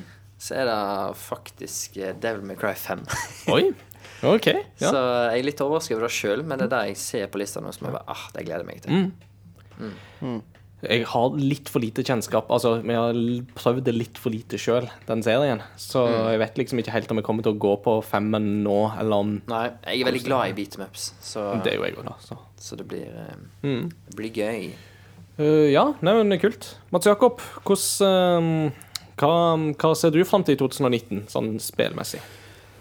Ja, eh, det er mange av spillerne jeg ikke helt på en måte 100 sikker på om faktisk kommer ut i 2019, men eh, eh, eh, jeg bladde litt gjennom Det er jo stort sett Switch-spill som er interessant for meg, da. Mm.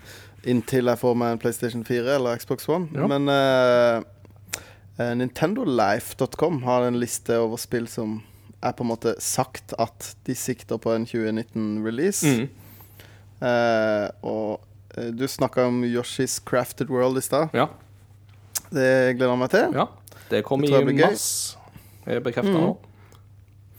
Eh, og så selvfølgelig dette her eh, sagnomsuste Pokémon RPG-spillet. Eh, Hovedinstallasjonen i serien. Mm. Det blir veldig gøy å spille. Ja. Uh, Luigi's Mansion 3. ja, riktig. Det òg Eh, er jo teasa. Det er pl planlagt, eller at det virker, det virker De har på en måte Foreløpig har de sikta på 2019, så Ja. det hadde jo vært veldig stas om vi fikk vite noe. eh. Mm. Det er et typisk sånn spill som de kunne annonsert på E3, da. Ja. At kom ja, på sein høst. Hadde jo passa perfekt i oktober, syns jeg. Åh, det hadde vært sykt stas. eh, ja, Metroid Prime 4, men det er jo litt sånn Jeg tror jeg ikke kommer i år. Nei, ikke jeg heller. Um, men uh, det var et spill jeg så her som jeg, ble veldig, som jeg var veldig begeistra for. Uh, ja, det spørs jo, da. Det, eh, det spillet som heter Town. Har dere hørt noe til det? Hva kalte du det? Town. Det er liksom Arbeidstittelen er Town. Town? Ehm, ja. Det er Gamefreak som lager det. ja, det ja, ja, ja. Det er sånn eh, RPG, litt sånn Du begynner i en liten landsby-type greie. Fantasy RPG av et eller annet slag. Ja, en litt sånn der eh, cutesy JRPG som uh, jeg tror uh, Ja. Ja. De trailerne har fått meg veldig gira, iallfall. Jeg syns det virker veldig kult. Ja. Konspirasjonsteori som jeg slenger ut her nå. Mm. Hva hvis Town viser seg å være det nye Pokémon? Uh, ja, Hvis det er det open world-spillet som Ja. eh, folk egentlig vil ha. Uh, Pokémon-spill satt til sånn litt mer sånn Føydal-samfunn, Ja, føydalsamfunn, eller litt mer sånn fantasy-ish type samfunn. Det kunne funka. Ja. De har jo laga Pokémon Conquest før, som jo er satt til um, Edo-perioden i um, Eller denne her føydalkrigsperioden i Japan. Ja, eller i hvert fall at det er den eh, engine de bruker, da. Ja. Altså, For den er jo mer sånn open world-vennlig, ser det ut som. Mm. Eh, Det ble veldig mye game engine-prat på meg i dag. Beklager ja. Det, Altså, det, det var gøy. Jeg syns sånne ting er veldig gøy. Så Ja. Super nerd. Altså, Um, nerd, ass. Ah, på med brillene. Uh, et spill som jeg så på den lista, som jeg ikke visste at kom, men som jeg tenkte shit, det har jeg lyst til å spille, det er en remake av et eh, ja, PlayStation 2 GameCube-æra-spill som heter Sphinx and the Cursed Mummy. Oi. Som er eh, Så det er en remake av en sånn Ja, ja, ja. ja. 3D-plattformspill som Jeg har sett flere Jeg følger en eh, fyr på YouTube som heter uh, Nitro Rad, som Mm. primært anmelder eh, indie RPG maker-spill og eh, 3D-platformers. Mm. Og han spilte de svingspillene, og de så egentlig ganske kule ut. Og han var litt sånn Det ser jo veldig sånn cash grab ut. At liksom Ja, vi må lage en 3D-plattform, vi òg. Mm. Men, eh, men det var faktisk en av de som var bra, da. Ja. Så det Jeg visste ikke at de kom med en remake av det, så det er jo kult. Nei, ikke heller. Nei, Stilig. Eh, og det kommer en remake av Shadowgate. Shadowgate. Ja, kjenner dere til Shadowgate?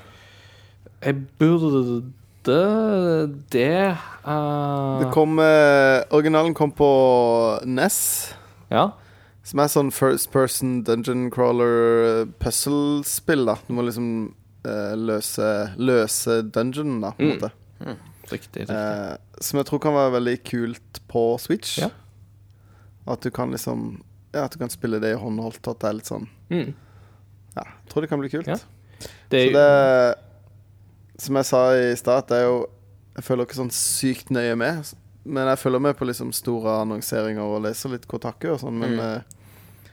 uh, Ja, jeg liker å bli litt sånn pleasantly surprised. Og så er det jo så kjedelig å gå og vente på et spill i ti år, på en måte. Ja. sånn, som- sånn som som- fansen har måttet gjort med Shenmue 3, for eksempel. Ja.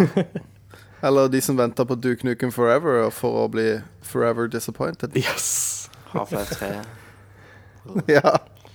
Ikke minst. Half-Life 3 kommer aldri ut. Half-Life 3 i denne episoden her. Ja, men Half-Life 3 er confirmed, får vi si. Nei da. ja.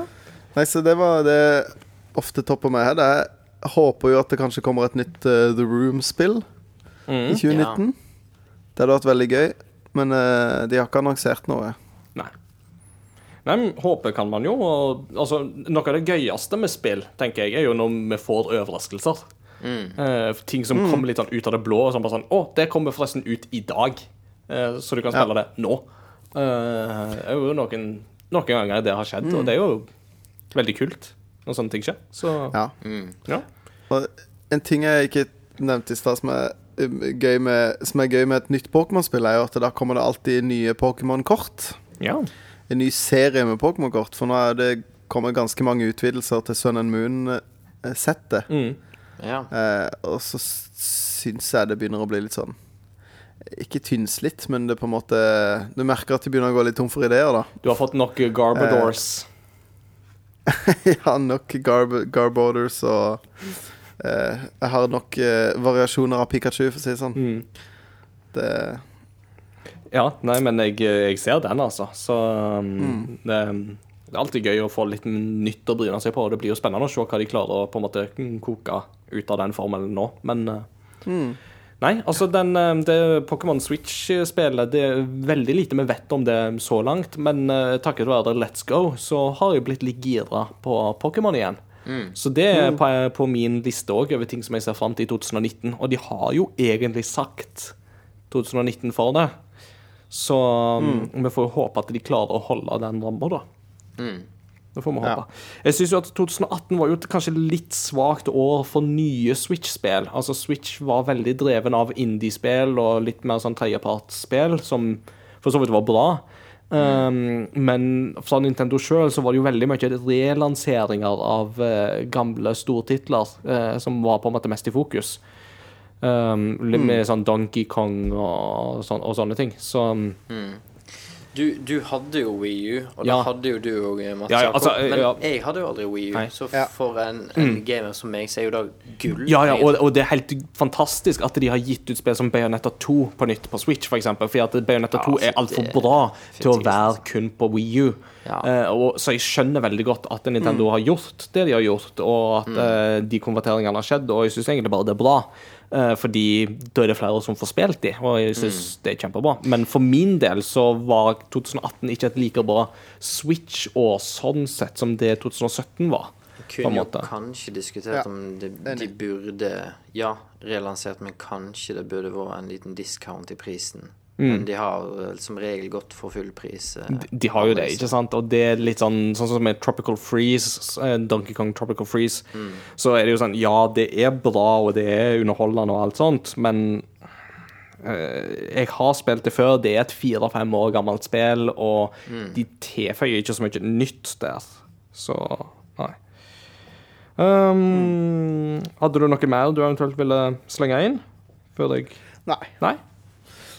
Um, Take it away. Yes. Um, jeg, jeg tenkte jo at det begynner med ikke nødvendigvis med spillene i seg sjøl, men litt mer sånn spillevents, som jo alltid er gøy å liksom se på. Så tenker jeg jo Games Developer Con Conference er jo om ikke så lenge. Mm. Uh, husker ikke helt når det er, men det pleier jo å være sånn i februar-mars eller noe sånt. pleier det ikke det? Så um, leksikon uh, Christian kan sjekke det for meg her.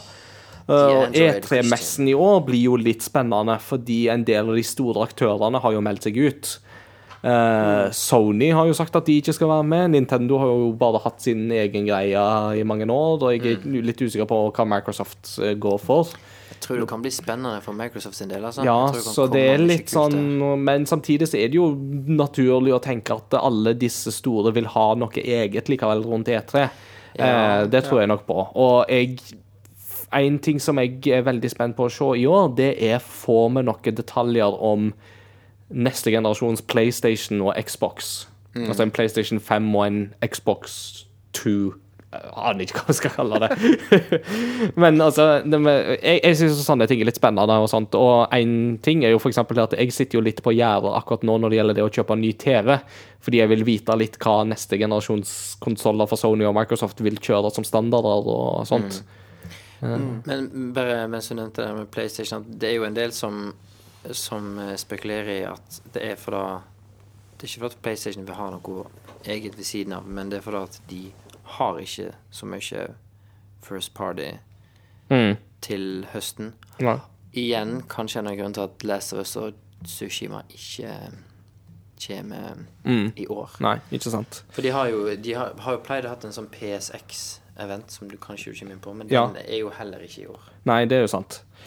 Så det blir jo litt spennende å se på sånne ting. Um, og så hadde det vært veldig gøy hvis Nintendo hadde annonsert en GameCube Mini. Det hadde vært veldig gøy. Men uh, jeg tviler på at det skjer, da. Men um, jeg er ikke interessert i en Nintendo 64 Mini. Nintendo 64-spill holder seg ikke så godt uh, nå til dags, men hadde vi fått en GameCube Mini, så hadde det vært veldig gøy.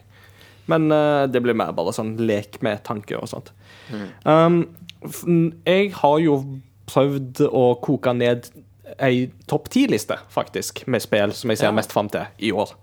Uh, og på den lista så har jeg litt sånn disclaimers, fordi at jeg har da prøvd å utelukke spill som vi er veldig usikre på om vi faktisk får i år. eh, i det hele tatt. Og det er jo sånne spill som Bayonetta 3, Metroid Prime 4, Death Stranding. Uh, vet vi jo lite om lansering òg ennå, men det tror jeg jo blir veldig kult. Det nye til Hideo Kojima, mannen bak Metal Gear Solid. Ja, folkens, følg Hideo Kojima på Instagram. Åh, han er så gøy! han er kryptisk Ja. og konge. Han er, det var helt fantastisk. Han hadde jo nylig sett en eller annen norsk film som han jo skrøt av på den Instagrammen. Jeg husker ikke hva for en film det var, om det var Insomnia, eller om Ja, det var og så har eh, han jo eh, lagt ut uh, bilde av noe makrell i tomat. Ja, Hvordan Hideo Kojima har fått tak i makrell i tomat, det aner jeg ikke, men det var helt fantastisk. Nydelig. altså. Um, eh, andre spill som jeg ikke tror kommer i år, det er Shin Megami Tensei 5. Tror jeg ikke kommer. Doom, eh, ok, Doom Eternal kommer jo i år, det blir kult, tror jeg. Eh, Beyond Good and Evil 2 tror jeg ikke kommer i år. Um, Resident Evil 2 kommer jo i år, og det tror jeg blir kult. Shenmue 3 kommer i år, det blir jo spennende å se. eh, hva de klarer. Veldig spent på den Shenmue 3. Det tror jeg blir en sånn Enten så vil folk elske det fordi de endelig får Shenmue 3, eller så vil folk bare si at det er fullstendig utdatert og ikke verdt å spille. Har du sett hvordan eh, karakterene ser ut? De ser jo Altså, det første vi så, var jo veldig steilt. Eh, Veldig old school grafikk og veldig sånn Ja, klumpete, egentlig. Eh, Og så har det blitt litt bedre. Ja, men det ser ut som Det ser ut som um, de har høyere oppløsning, men det er samme Samme stil, ja. ja. Så det er sånn Det er sånn ganske sånn lav polygon og utglatta, spisse ansikt. Mm. Du ser ikke porene til Ryo Hadzuki, liksom, eh, men eh, Nei. nei. Så- Men det sp- spørsmålet er om vi trenger det, da. Så Ja. det blir jo spennende å se. Ghost of Tsushima tror jeg dessverre ikke vi får i år. Uh, Star Wars Jedi Fallen Order tror jeg faktisk ikke vi får i år. Uh, det er min negative spekulasjon. Du tror vi ikke får The Last of Us. Jeg tror ikke vi får uh, Star Wars. Dessverre. Håper vi har feil, begge to. Ja, la oss håpe vi begge tar feil. Jeg, hvis eh, Jedi Fallen Order kommer i år, så gleder jeg meg som en unge. Um, Jump Force er et spill som kommer i år, som jeg ikke har på topp ti, men som kan være gøy å følge med på. Det er jo et sånn uh, anime-slåssespill med alle mulige Altså, det er Dragon Ball, det er OnePiece, det er Death Note av en eller annen obskur grunn. Uh, Yu-Gi-Oh! Ja, masse forskjellig. Kan bli litt gøy å følge med på, selv om betatestene var visst eh, litt eh, dårlige. Ok. Uh, Control er jo det nye studioet for Remedy. eh, Nei, nye spillet for Remedy. De som lagde um, eh, Alan Wake. Så det kan jo bli litt spennende å følge med på. Mosaikk er jo det, det norske spillet for Krillbite. Virker veldig Yes. spennende. Du må jo slenge inn litt indie. Det, så det tror jeg kommer i år. Spørs om det kommer i år. Det og Control, det vet vi ikke. Cyberpunk 2077 har vi heller ikke fått en dato på. Det tror jeg er Det tror jeg er 2020, ganske garantert. Men det er jo noe av det jeg ser mest fram til nå. Det er jo eh, Cyberpunk-spillet til CD Projekt Red, de som lagde eh, The Witcher-spillene. For en som er blodfan av Cyberpunk som sjanger i seg sjøl Altså, jeg begynte jo episoden med å snakke om Blade Runner, så ja.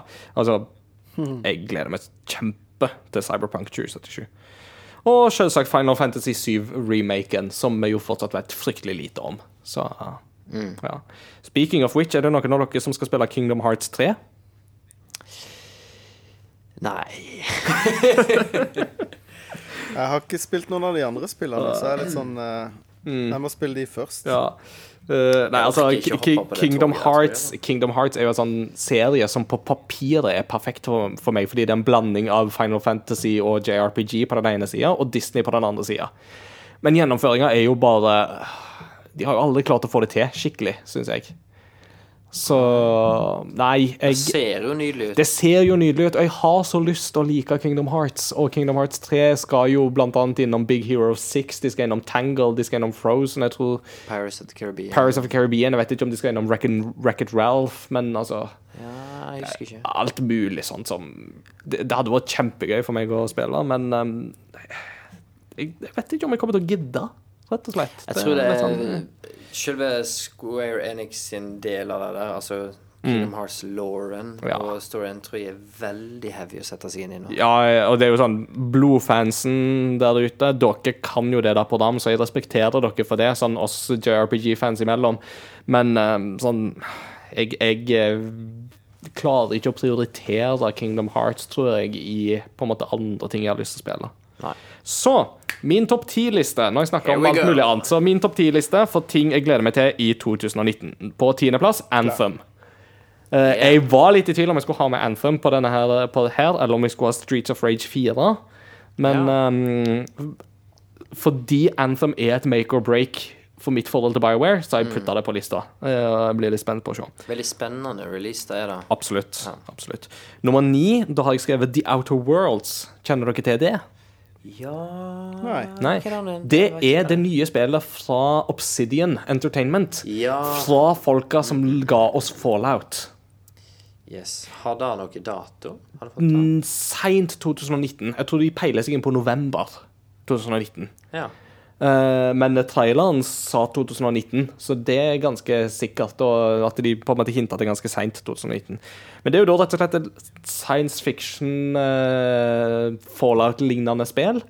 Eh, og for meg som aldri har helt klart å komme inn i Fallout og eh, de altså eh, Bethesda-spillene, kjernespillene til Bethesda, men alltid har hatt litt interesse for det likevel, så virker de Outer Worlds å være veldig spennende. Og jeg tror at det kan bli veldig, veldig kult. Obsidian er et veldig spennende studio. Altså. De er veldig spennende, og det er veldig gøy å følge med på de.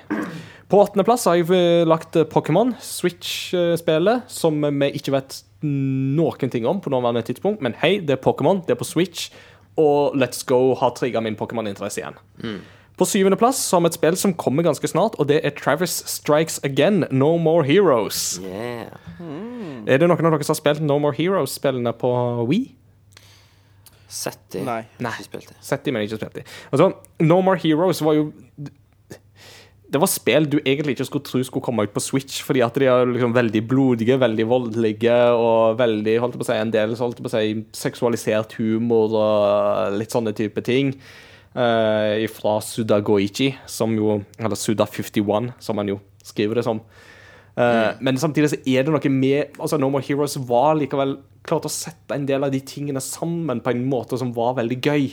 Og hadde et veldig kult gameplay og sånt. Og det er jo det eneste spillserien jeg fortsatt vet om der du lagrer ved å gå på do. Det er jo saving- saving-mekanikken i No More Heroes er at Travis finner en do, og så setter han seg på ramma, og så kan du lagre. Så Travis Strikes Again blir jo da et besøk tilbake til No More Heroes-settinga, men som blir litt annerledes enn de forrige spillene. Så det blir litt spennende å se hvordan det spillet blir. På sjetteplass Yoshi's Crafted World. Det har jeg jo snakka litt om allerede. Gleder meg kjempemasse til det. Det tror jeg bare blir søtt og godt. Jeg vil ha mer Feel Good ifra Good Feel, som studioet heter. De heter jo Good Feel. Så det Yes, I thought about that pun a long time. Femteplass Bloodstained Ritual of the Night. Ja. Ja. Ja. Bloodstained-serien, eller spillet, er jo Altså, dette er jo et Kickstarter-spill fra en av hovedhjernene bak Castlevania Symphony of the Night, og som har vært teasa ganske lenge, og som liksom hele tida har blitt litt sånn utsatt.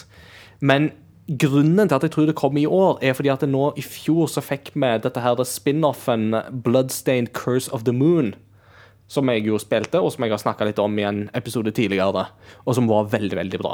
Veldig gøy. Um, Bloodstained Ritual of the Night, da er vi jo mer inne i den der eh, Symphony of the Night-delen av Metroidvania-utforskingsdelen. Der, altså der um, Curse of the Moon var jo mer basert på Castlevania 3, så den var jo mer sånn straight forward. Um, men det ser fantastisk ut, det høres fantastisk ut. Uh, det Konseptet i seg sjøl er jo gøy. Estetikken uh, er nydelig, så jeg gleder meg til det. Og jeg har en tro på at det endelig, i 2019, så skal vi få brynt oss på det. Og jeg håper virkelig på det, for nå er jeg veldig i sånn Castlevania-stemning etter Netflix-serien, som jeg fortsatt vil anbefale folk å se. ja. Sesong to er så bra. Åh, fytti. Sånn. Ferdig. Fjerdeplass, der har jeg Wolfenstein Youngblood. Ja. Eh, de nye Wolfenstein-spillene har jo vært veldig gøye, syns jeg. De er fantastisk bra mekanikk på. De har en fantastisk kul sånn eh, alternativ Europa der nazistene tok over etter krigen-setting. Og fast pace uh, first person shooter, veldig, veldig bra. Youngblood, da skal vi jo få spille som uh, to altså, Det skal vel bli coop òg, tror jeg, faktisk. Oh, ja. Og du, for du får jo spille som tvillingdøtrene til BJ Blazkowicz. Eh, og det er fortsatt nazister du skal knuse. Det tror jeg er satt på seint 70-tallet og skal være i Paris eller noe sånt. Så det kan bli veldig kult å se hvordan det blir takla. Kult. Yes. Nummer tre. Ori and the Will of the Wisps. ja. Det mm, er ikke helt 100% bekrefta 2019, tror jeg, men det er veldig sterkt antyda at det blir 2019. Du har jo snakka om Ori and the Blind Forest. Det var jo mitt favorittspill i 2015, eh, med unntak av The Witcher 3. Uh, og det tror jeg blir et helt nydelig, fantastisk spill som vil holde på å si røre alle de rette tingene i meg, altså. Så det ser jeg fram til og tror blir veldig bra. Andreplass Fire Emblem Three Houses. Yes. Det er jo dette her Fire Emblem-spillet som kommer på Switch. Det òg er relativt garantert kommet i 2019. Det er iallfall på en måte sterkt antydende. Du er glad i den serien, Jeg er jo veldig glad i Fire Emblem. Altså, Jeg har jo spilt alt av Fire Emblem som har kommet ut i Vesten, helt siden Gameboy Game Advance spiller Fire Emblem i 2004. Og jeg og kona er begge såpass glad i Fire Emblem at vi hadde Fire Emblem main theme som utgangsmarsj i bryllupet vårt. Yes! Så jeg hadde jo egentlig lyst til å ha Throne Room fra Star Wars A New Hope. Altså denne her der eh, Chewbacca og han og Nei, Chewbacca får jo ikke medalje, men Han Solo og Luke Skywalker får medalje. Så jeg ville jo egentlig ha den som utgangsmarsj, men der ble jeg nedstemt. Det var en av de få tingene med bryllupet vårt så der jeg ble nedstemt. Men jeg pitcha Fire Emblem main theme som forslag, så det ble godkjent. Så okay. da fikk du ba, pam, ba, da, da, Ja, det den, ja. Ja. Det var Hadde du gjester som tok uh, referansen? Jeg tror kanskje det. Jeg er ikke sikker Jo, jo, jeg tror jeg, altså jeg tror jeg har um, noen av vennene mine vet hva Fire Emblem var for noe. og Det sto jo i programmet hva utgangsmarsj og inngangsmarsj Ja, ja, var, og komponist og alle disse tingene der. Men det sto ikke vær så spesifikt hva Fire Emblem var for noe. Det gjorde det ikke. Vi hadde Concerning Hobbits til inngang, for øvrig. Jeg, må- jeg må komme med et, en anbefaling. Ja. En YouTube-video. Da må gå på YouTube og så må dere søke på eh, den scenen fra Star Wars du snakka om. Hvor de har fjerna all, Yes! all musikk. Yes! Det er det er så bare kleint! sånn- Det er dritkleint. Det er bare liksom gåing og hosting og det er sykt Og så Chewie som bare Og så begynner alle å klappe. Ja, det er dødsmorsomt.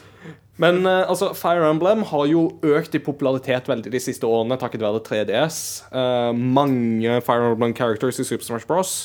Eh, men vi har jo ikke fått et Fire Emblem-spill til hjemmekonsoll siden Fire Emblem Radiant Dawn på Wii i 2008. Det er ti år siden, og mer enn det. Så det blir veldig spennende å se hva Intelligent eh, Systems får til på Switch med Fire Emblem-formelen. Jeg tror det blir litt av det nye, litt av det gamle, og forhåpentligvis en bra story, gode characters, masse vanskelige oppdrag. Eh, jeg er klar. Det blir jeg veldig glad for. Men på førsteplass så er jeg optimist og håper på The Last of Us Part 2. Ja. Part 2 blir det strengt tatt, hvis det skal være konsekvent i min språkbruk. Ja. Så altså, kommer det ut i år, så skal det mye til for å toppe det spillet på min hypeliste, altså. Det, det eneste som kan toppe det, det er Cyberpunk eller Death Stranding. Men ingen av de to tror jeg kom i år. Det er liksom Death Stranding er liksom den store jokeren, men eh, den har jo vært det i ganske mange år nå, så det er vanskelig å se.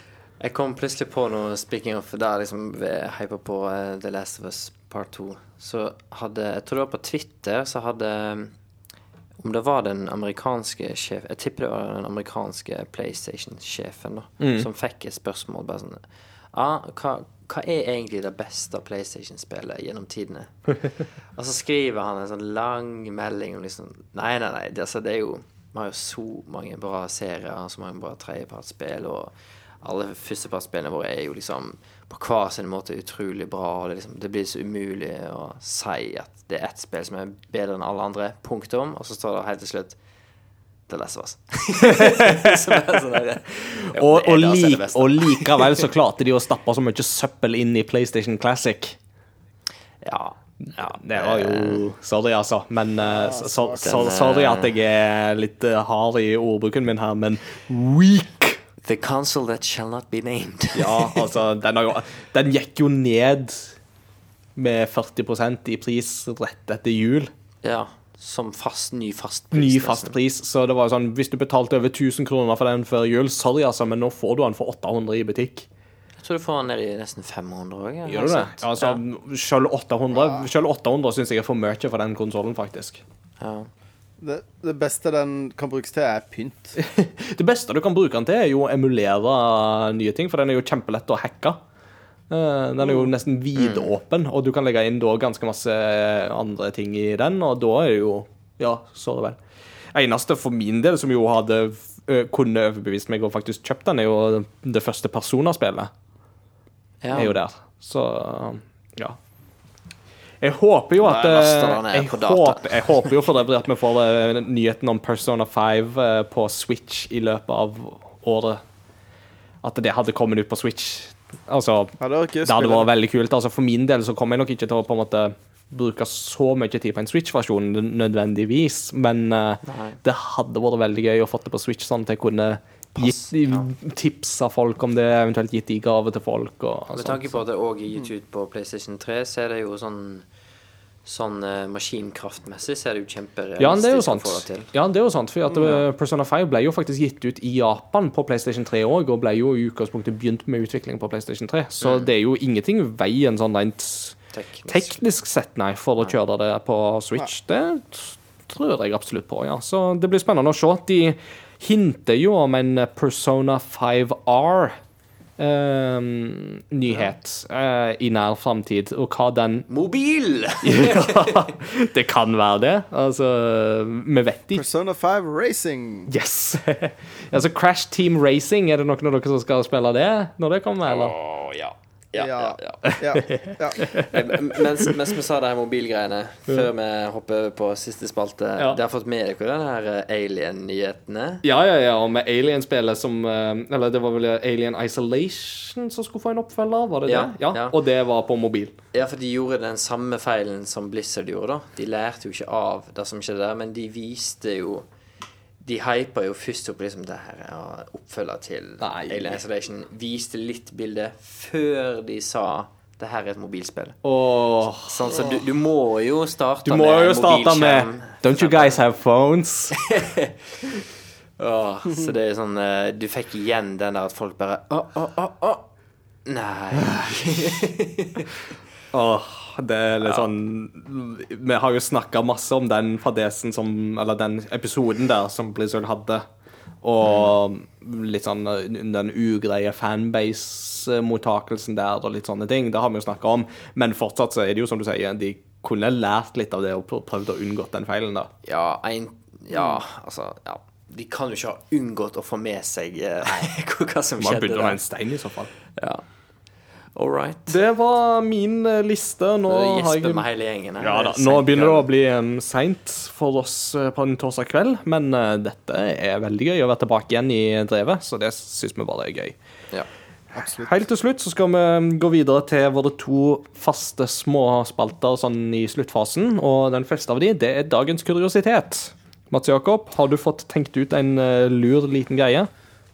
Det har jeg. Et, eh, det blir en slags eh, kort oppsummering av noe som eh, kanskje vi kan utdype på seinere. Men eh, det jeg vil eh, fortelle om, er eh, den en eh, konsoll add-on Mhm. som eh, kom bare i Japan. Ja. Som jeg syns er veldig fascinerende. Ja.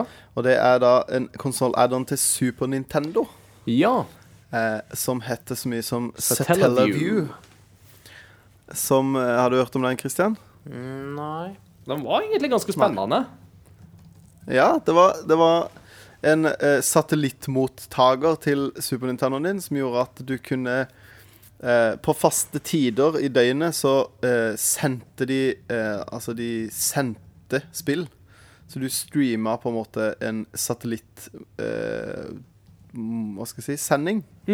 Hvor du da eh, spilte Enten kunne laste ned spill, eller de sendte eh, Sendte epis... For eksempel, de, de lagde eh, utvidelser til A Link to the Past. Mm. Eh, hvor de blanda eh, De lagde det som episoder, så du på en måte eh, kunne bare spille det eh, når det ble streama, Mm. eller sendt. Med, med Det som var kult med det, var jo at det var en en, en ekte stemme som på en måte uh, voisa det du gjorde, og sa all dialogen og sånn. Mm. Uh, som er ganske kult. Og de spillene er blitt uh, Blitt gitt ut på i seinere tid. Folk har, eh, har samla de filene og gjort det til ett spill. Uh, og de, det spillet blir kalt for BS Zelda. Ja. Som står for Det var det jeg på om du skulle eh, komme inn på. Eh, og så finnes det også BS F-Zero eh, og litt sånn forskjellige eh, større spill da som du bare kunne spille ved sånn satellittgreier, da. Eh, som jeg syns er utrolig interessant, både fordi at eh, vi, har, vi får ikke add-ons på konsoller lenger, vi får helt nye versjoner av konsoller. Mm. Eh, Istedenfor å få liksom en sånn tilleggsting. Du har jo snakka om Sega CD før, eh, Ingar. Ja. Og det er jo eh, Jeg syns det er en veldig sånn interessant spillhistorie-ting, og det at det var liksom streama spill i 92, liksom. Det er jo Det var jo veldig forut for sin tid. ekstremt forut for sin tid. Og Sega hadde jo en lignende ting, men det var, på, det var sånn modem som het eh, Sega Channel, Mm. som uh, gjorde samme greia, da. Uh, men veldig kult. Sjekk ut bilder. Den, jeg har lyst på en bare fordi den får Super Nintendo til å se utrolig kul ut. Den. For å se om vi eventuelt kan plukke opp i Japan i nær framtid. Ja, de er ganske dyre, da. Det er de nok. Det er nok ganske dyrt å samle objekt, tipper jeg. Må fort, fort punge ut uh, iallfall et par lapper for han. Ja, ja, ja. Men du vet, gotta catch them all. Ja, ja, ja. Nei, men eh, det var en um, artig liten eh, kuriositet. Uh, absolutt. Satellaview til Super Nintendo der, altså. Takk skal du ha. Godt. Yes, da um, er det egentlig bare for meg å presentere dagens postludium. Eh, Jeg hadde litt lyst til å ta denne, fordi at jeg har vært sånn i Streets of Rage-modus nå i um, romjula. Og en ting som jo vi var inne på, er jo det at musikken i Streets of Rage er veldig, veldig kul. Av uh, Yuzo Koshiro. Var det ikke det vi ble enige om, eh, Mats Jakob? Var navnet? Jo, Jo. det stemmer. Ja, ja, ja. Uh, som jo ifølge deg var det vel lagde musikken til hele serien, hvis, jeg, hvis du Mm, Det var vel det du nevnte på. Jo, eh, jo, jeg tror iallfall uh, Iallfall én og to. Iallfall. Ja. Ja. Hadde vært gøy hvis han vender tilbake, eller hvis vi får en reprise der med Streets of Rage 4, men det får vi se på. Men jeg tenkte å um, introdusere dere for Streets of Rage 2, eh, som heter Go Straight, som er liksom det første banen i Streets of Rage 2, så hører du på en måte den tunesen uh, der. Um, I snakkende stund så har jeg ikke bestemt meg for om jeg skal presentere dere for originalversjonen, eller om jeg skal presentere dere for remixen som en hører i 3DS-spillet Project Cross Zone 2. For den òg er ganske kul. Uh, Eventuelt så eh, a cappella-versjonen til Pentatonix er òg veldig fin. Eh, Den, kan anbefales varmt. Og den uh, går som en dans. den går som en dans. Åh, måtte slenge inn en liten bit på slutten der, vet du. Beat. Den røde tråden. Yes, den røde tråden i Crossover Gaming. Men uansett, altså, go, street, go straight ifra Streets of Rage 2 av Yuzo Koshiro der, altså. Med det så er det blitt seint, så nå må jeg og Christian eh, gå og legge oss i eh, hver våre hus. I hver- merke hver vår det er viktig å presisere det. det, Jeg lover, altså. Jeg lover. Yes, yes, yes. Jeg er glad i deg, Kristian, men jeg er ikke så skal- glad i deg. Jeg skal ta klippa ut det der i, i, i post her. Eller, eller gi publikum en god latter. Du får Ja. bestemme deg. Ja. Med det så er det ikke noe annet å si enn takk for oss. Vi snakkes igjen om eh, to uker, eh, om ikke før. Og som vanlig så snakkes vi ved neste korsvei. Ha det! Sayonara. Sayonara banana.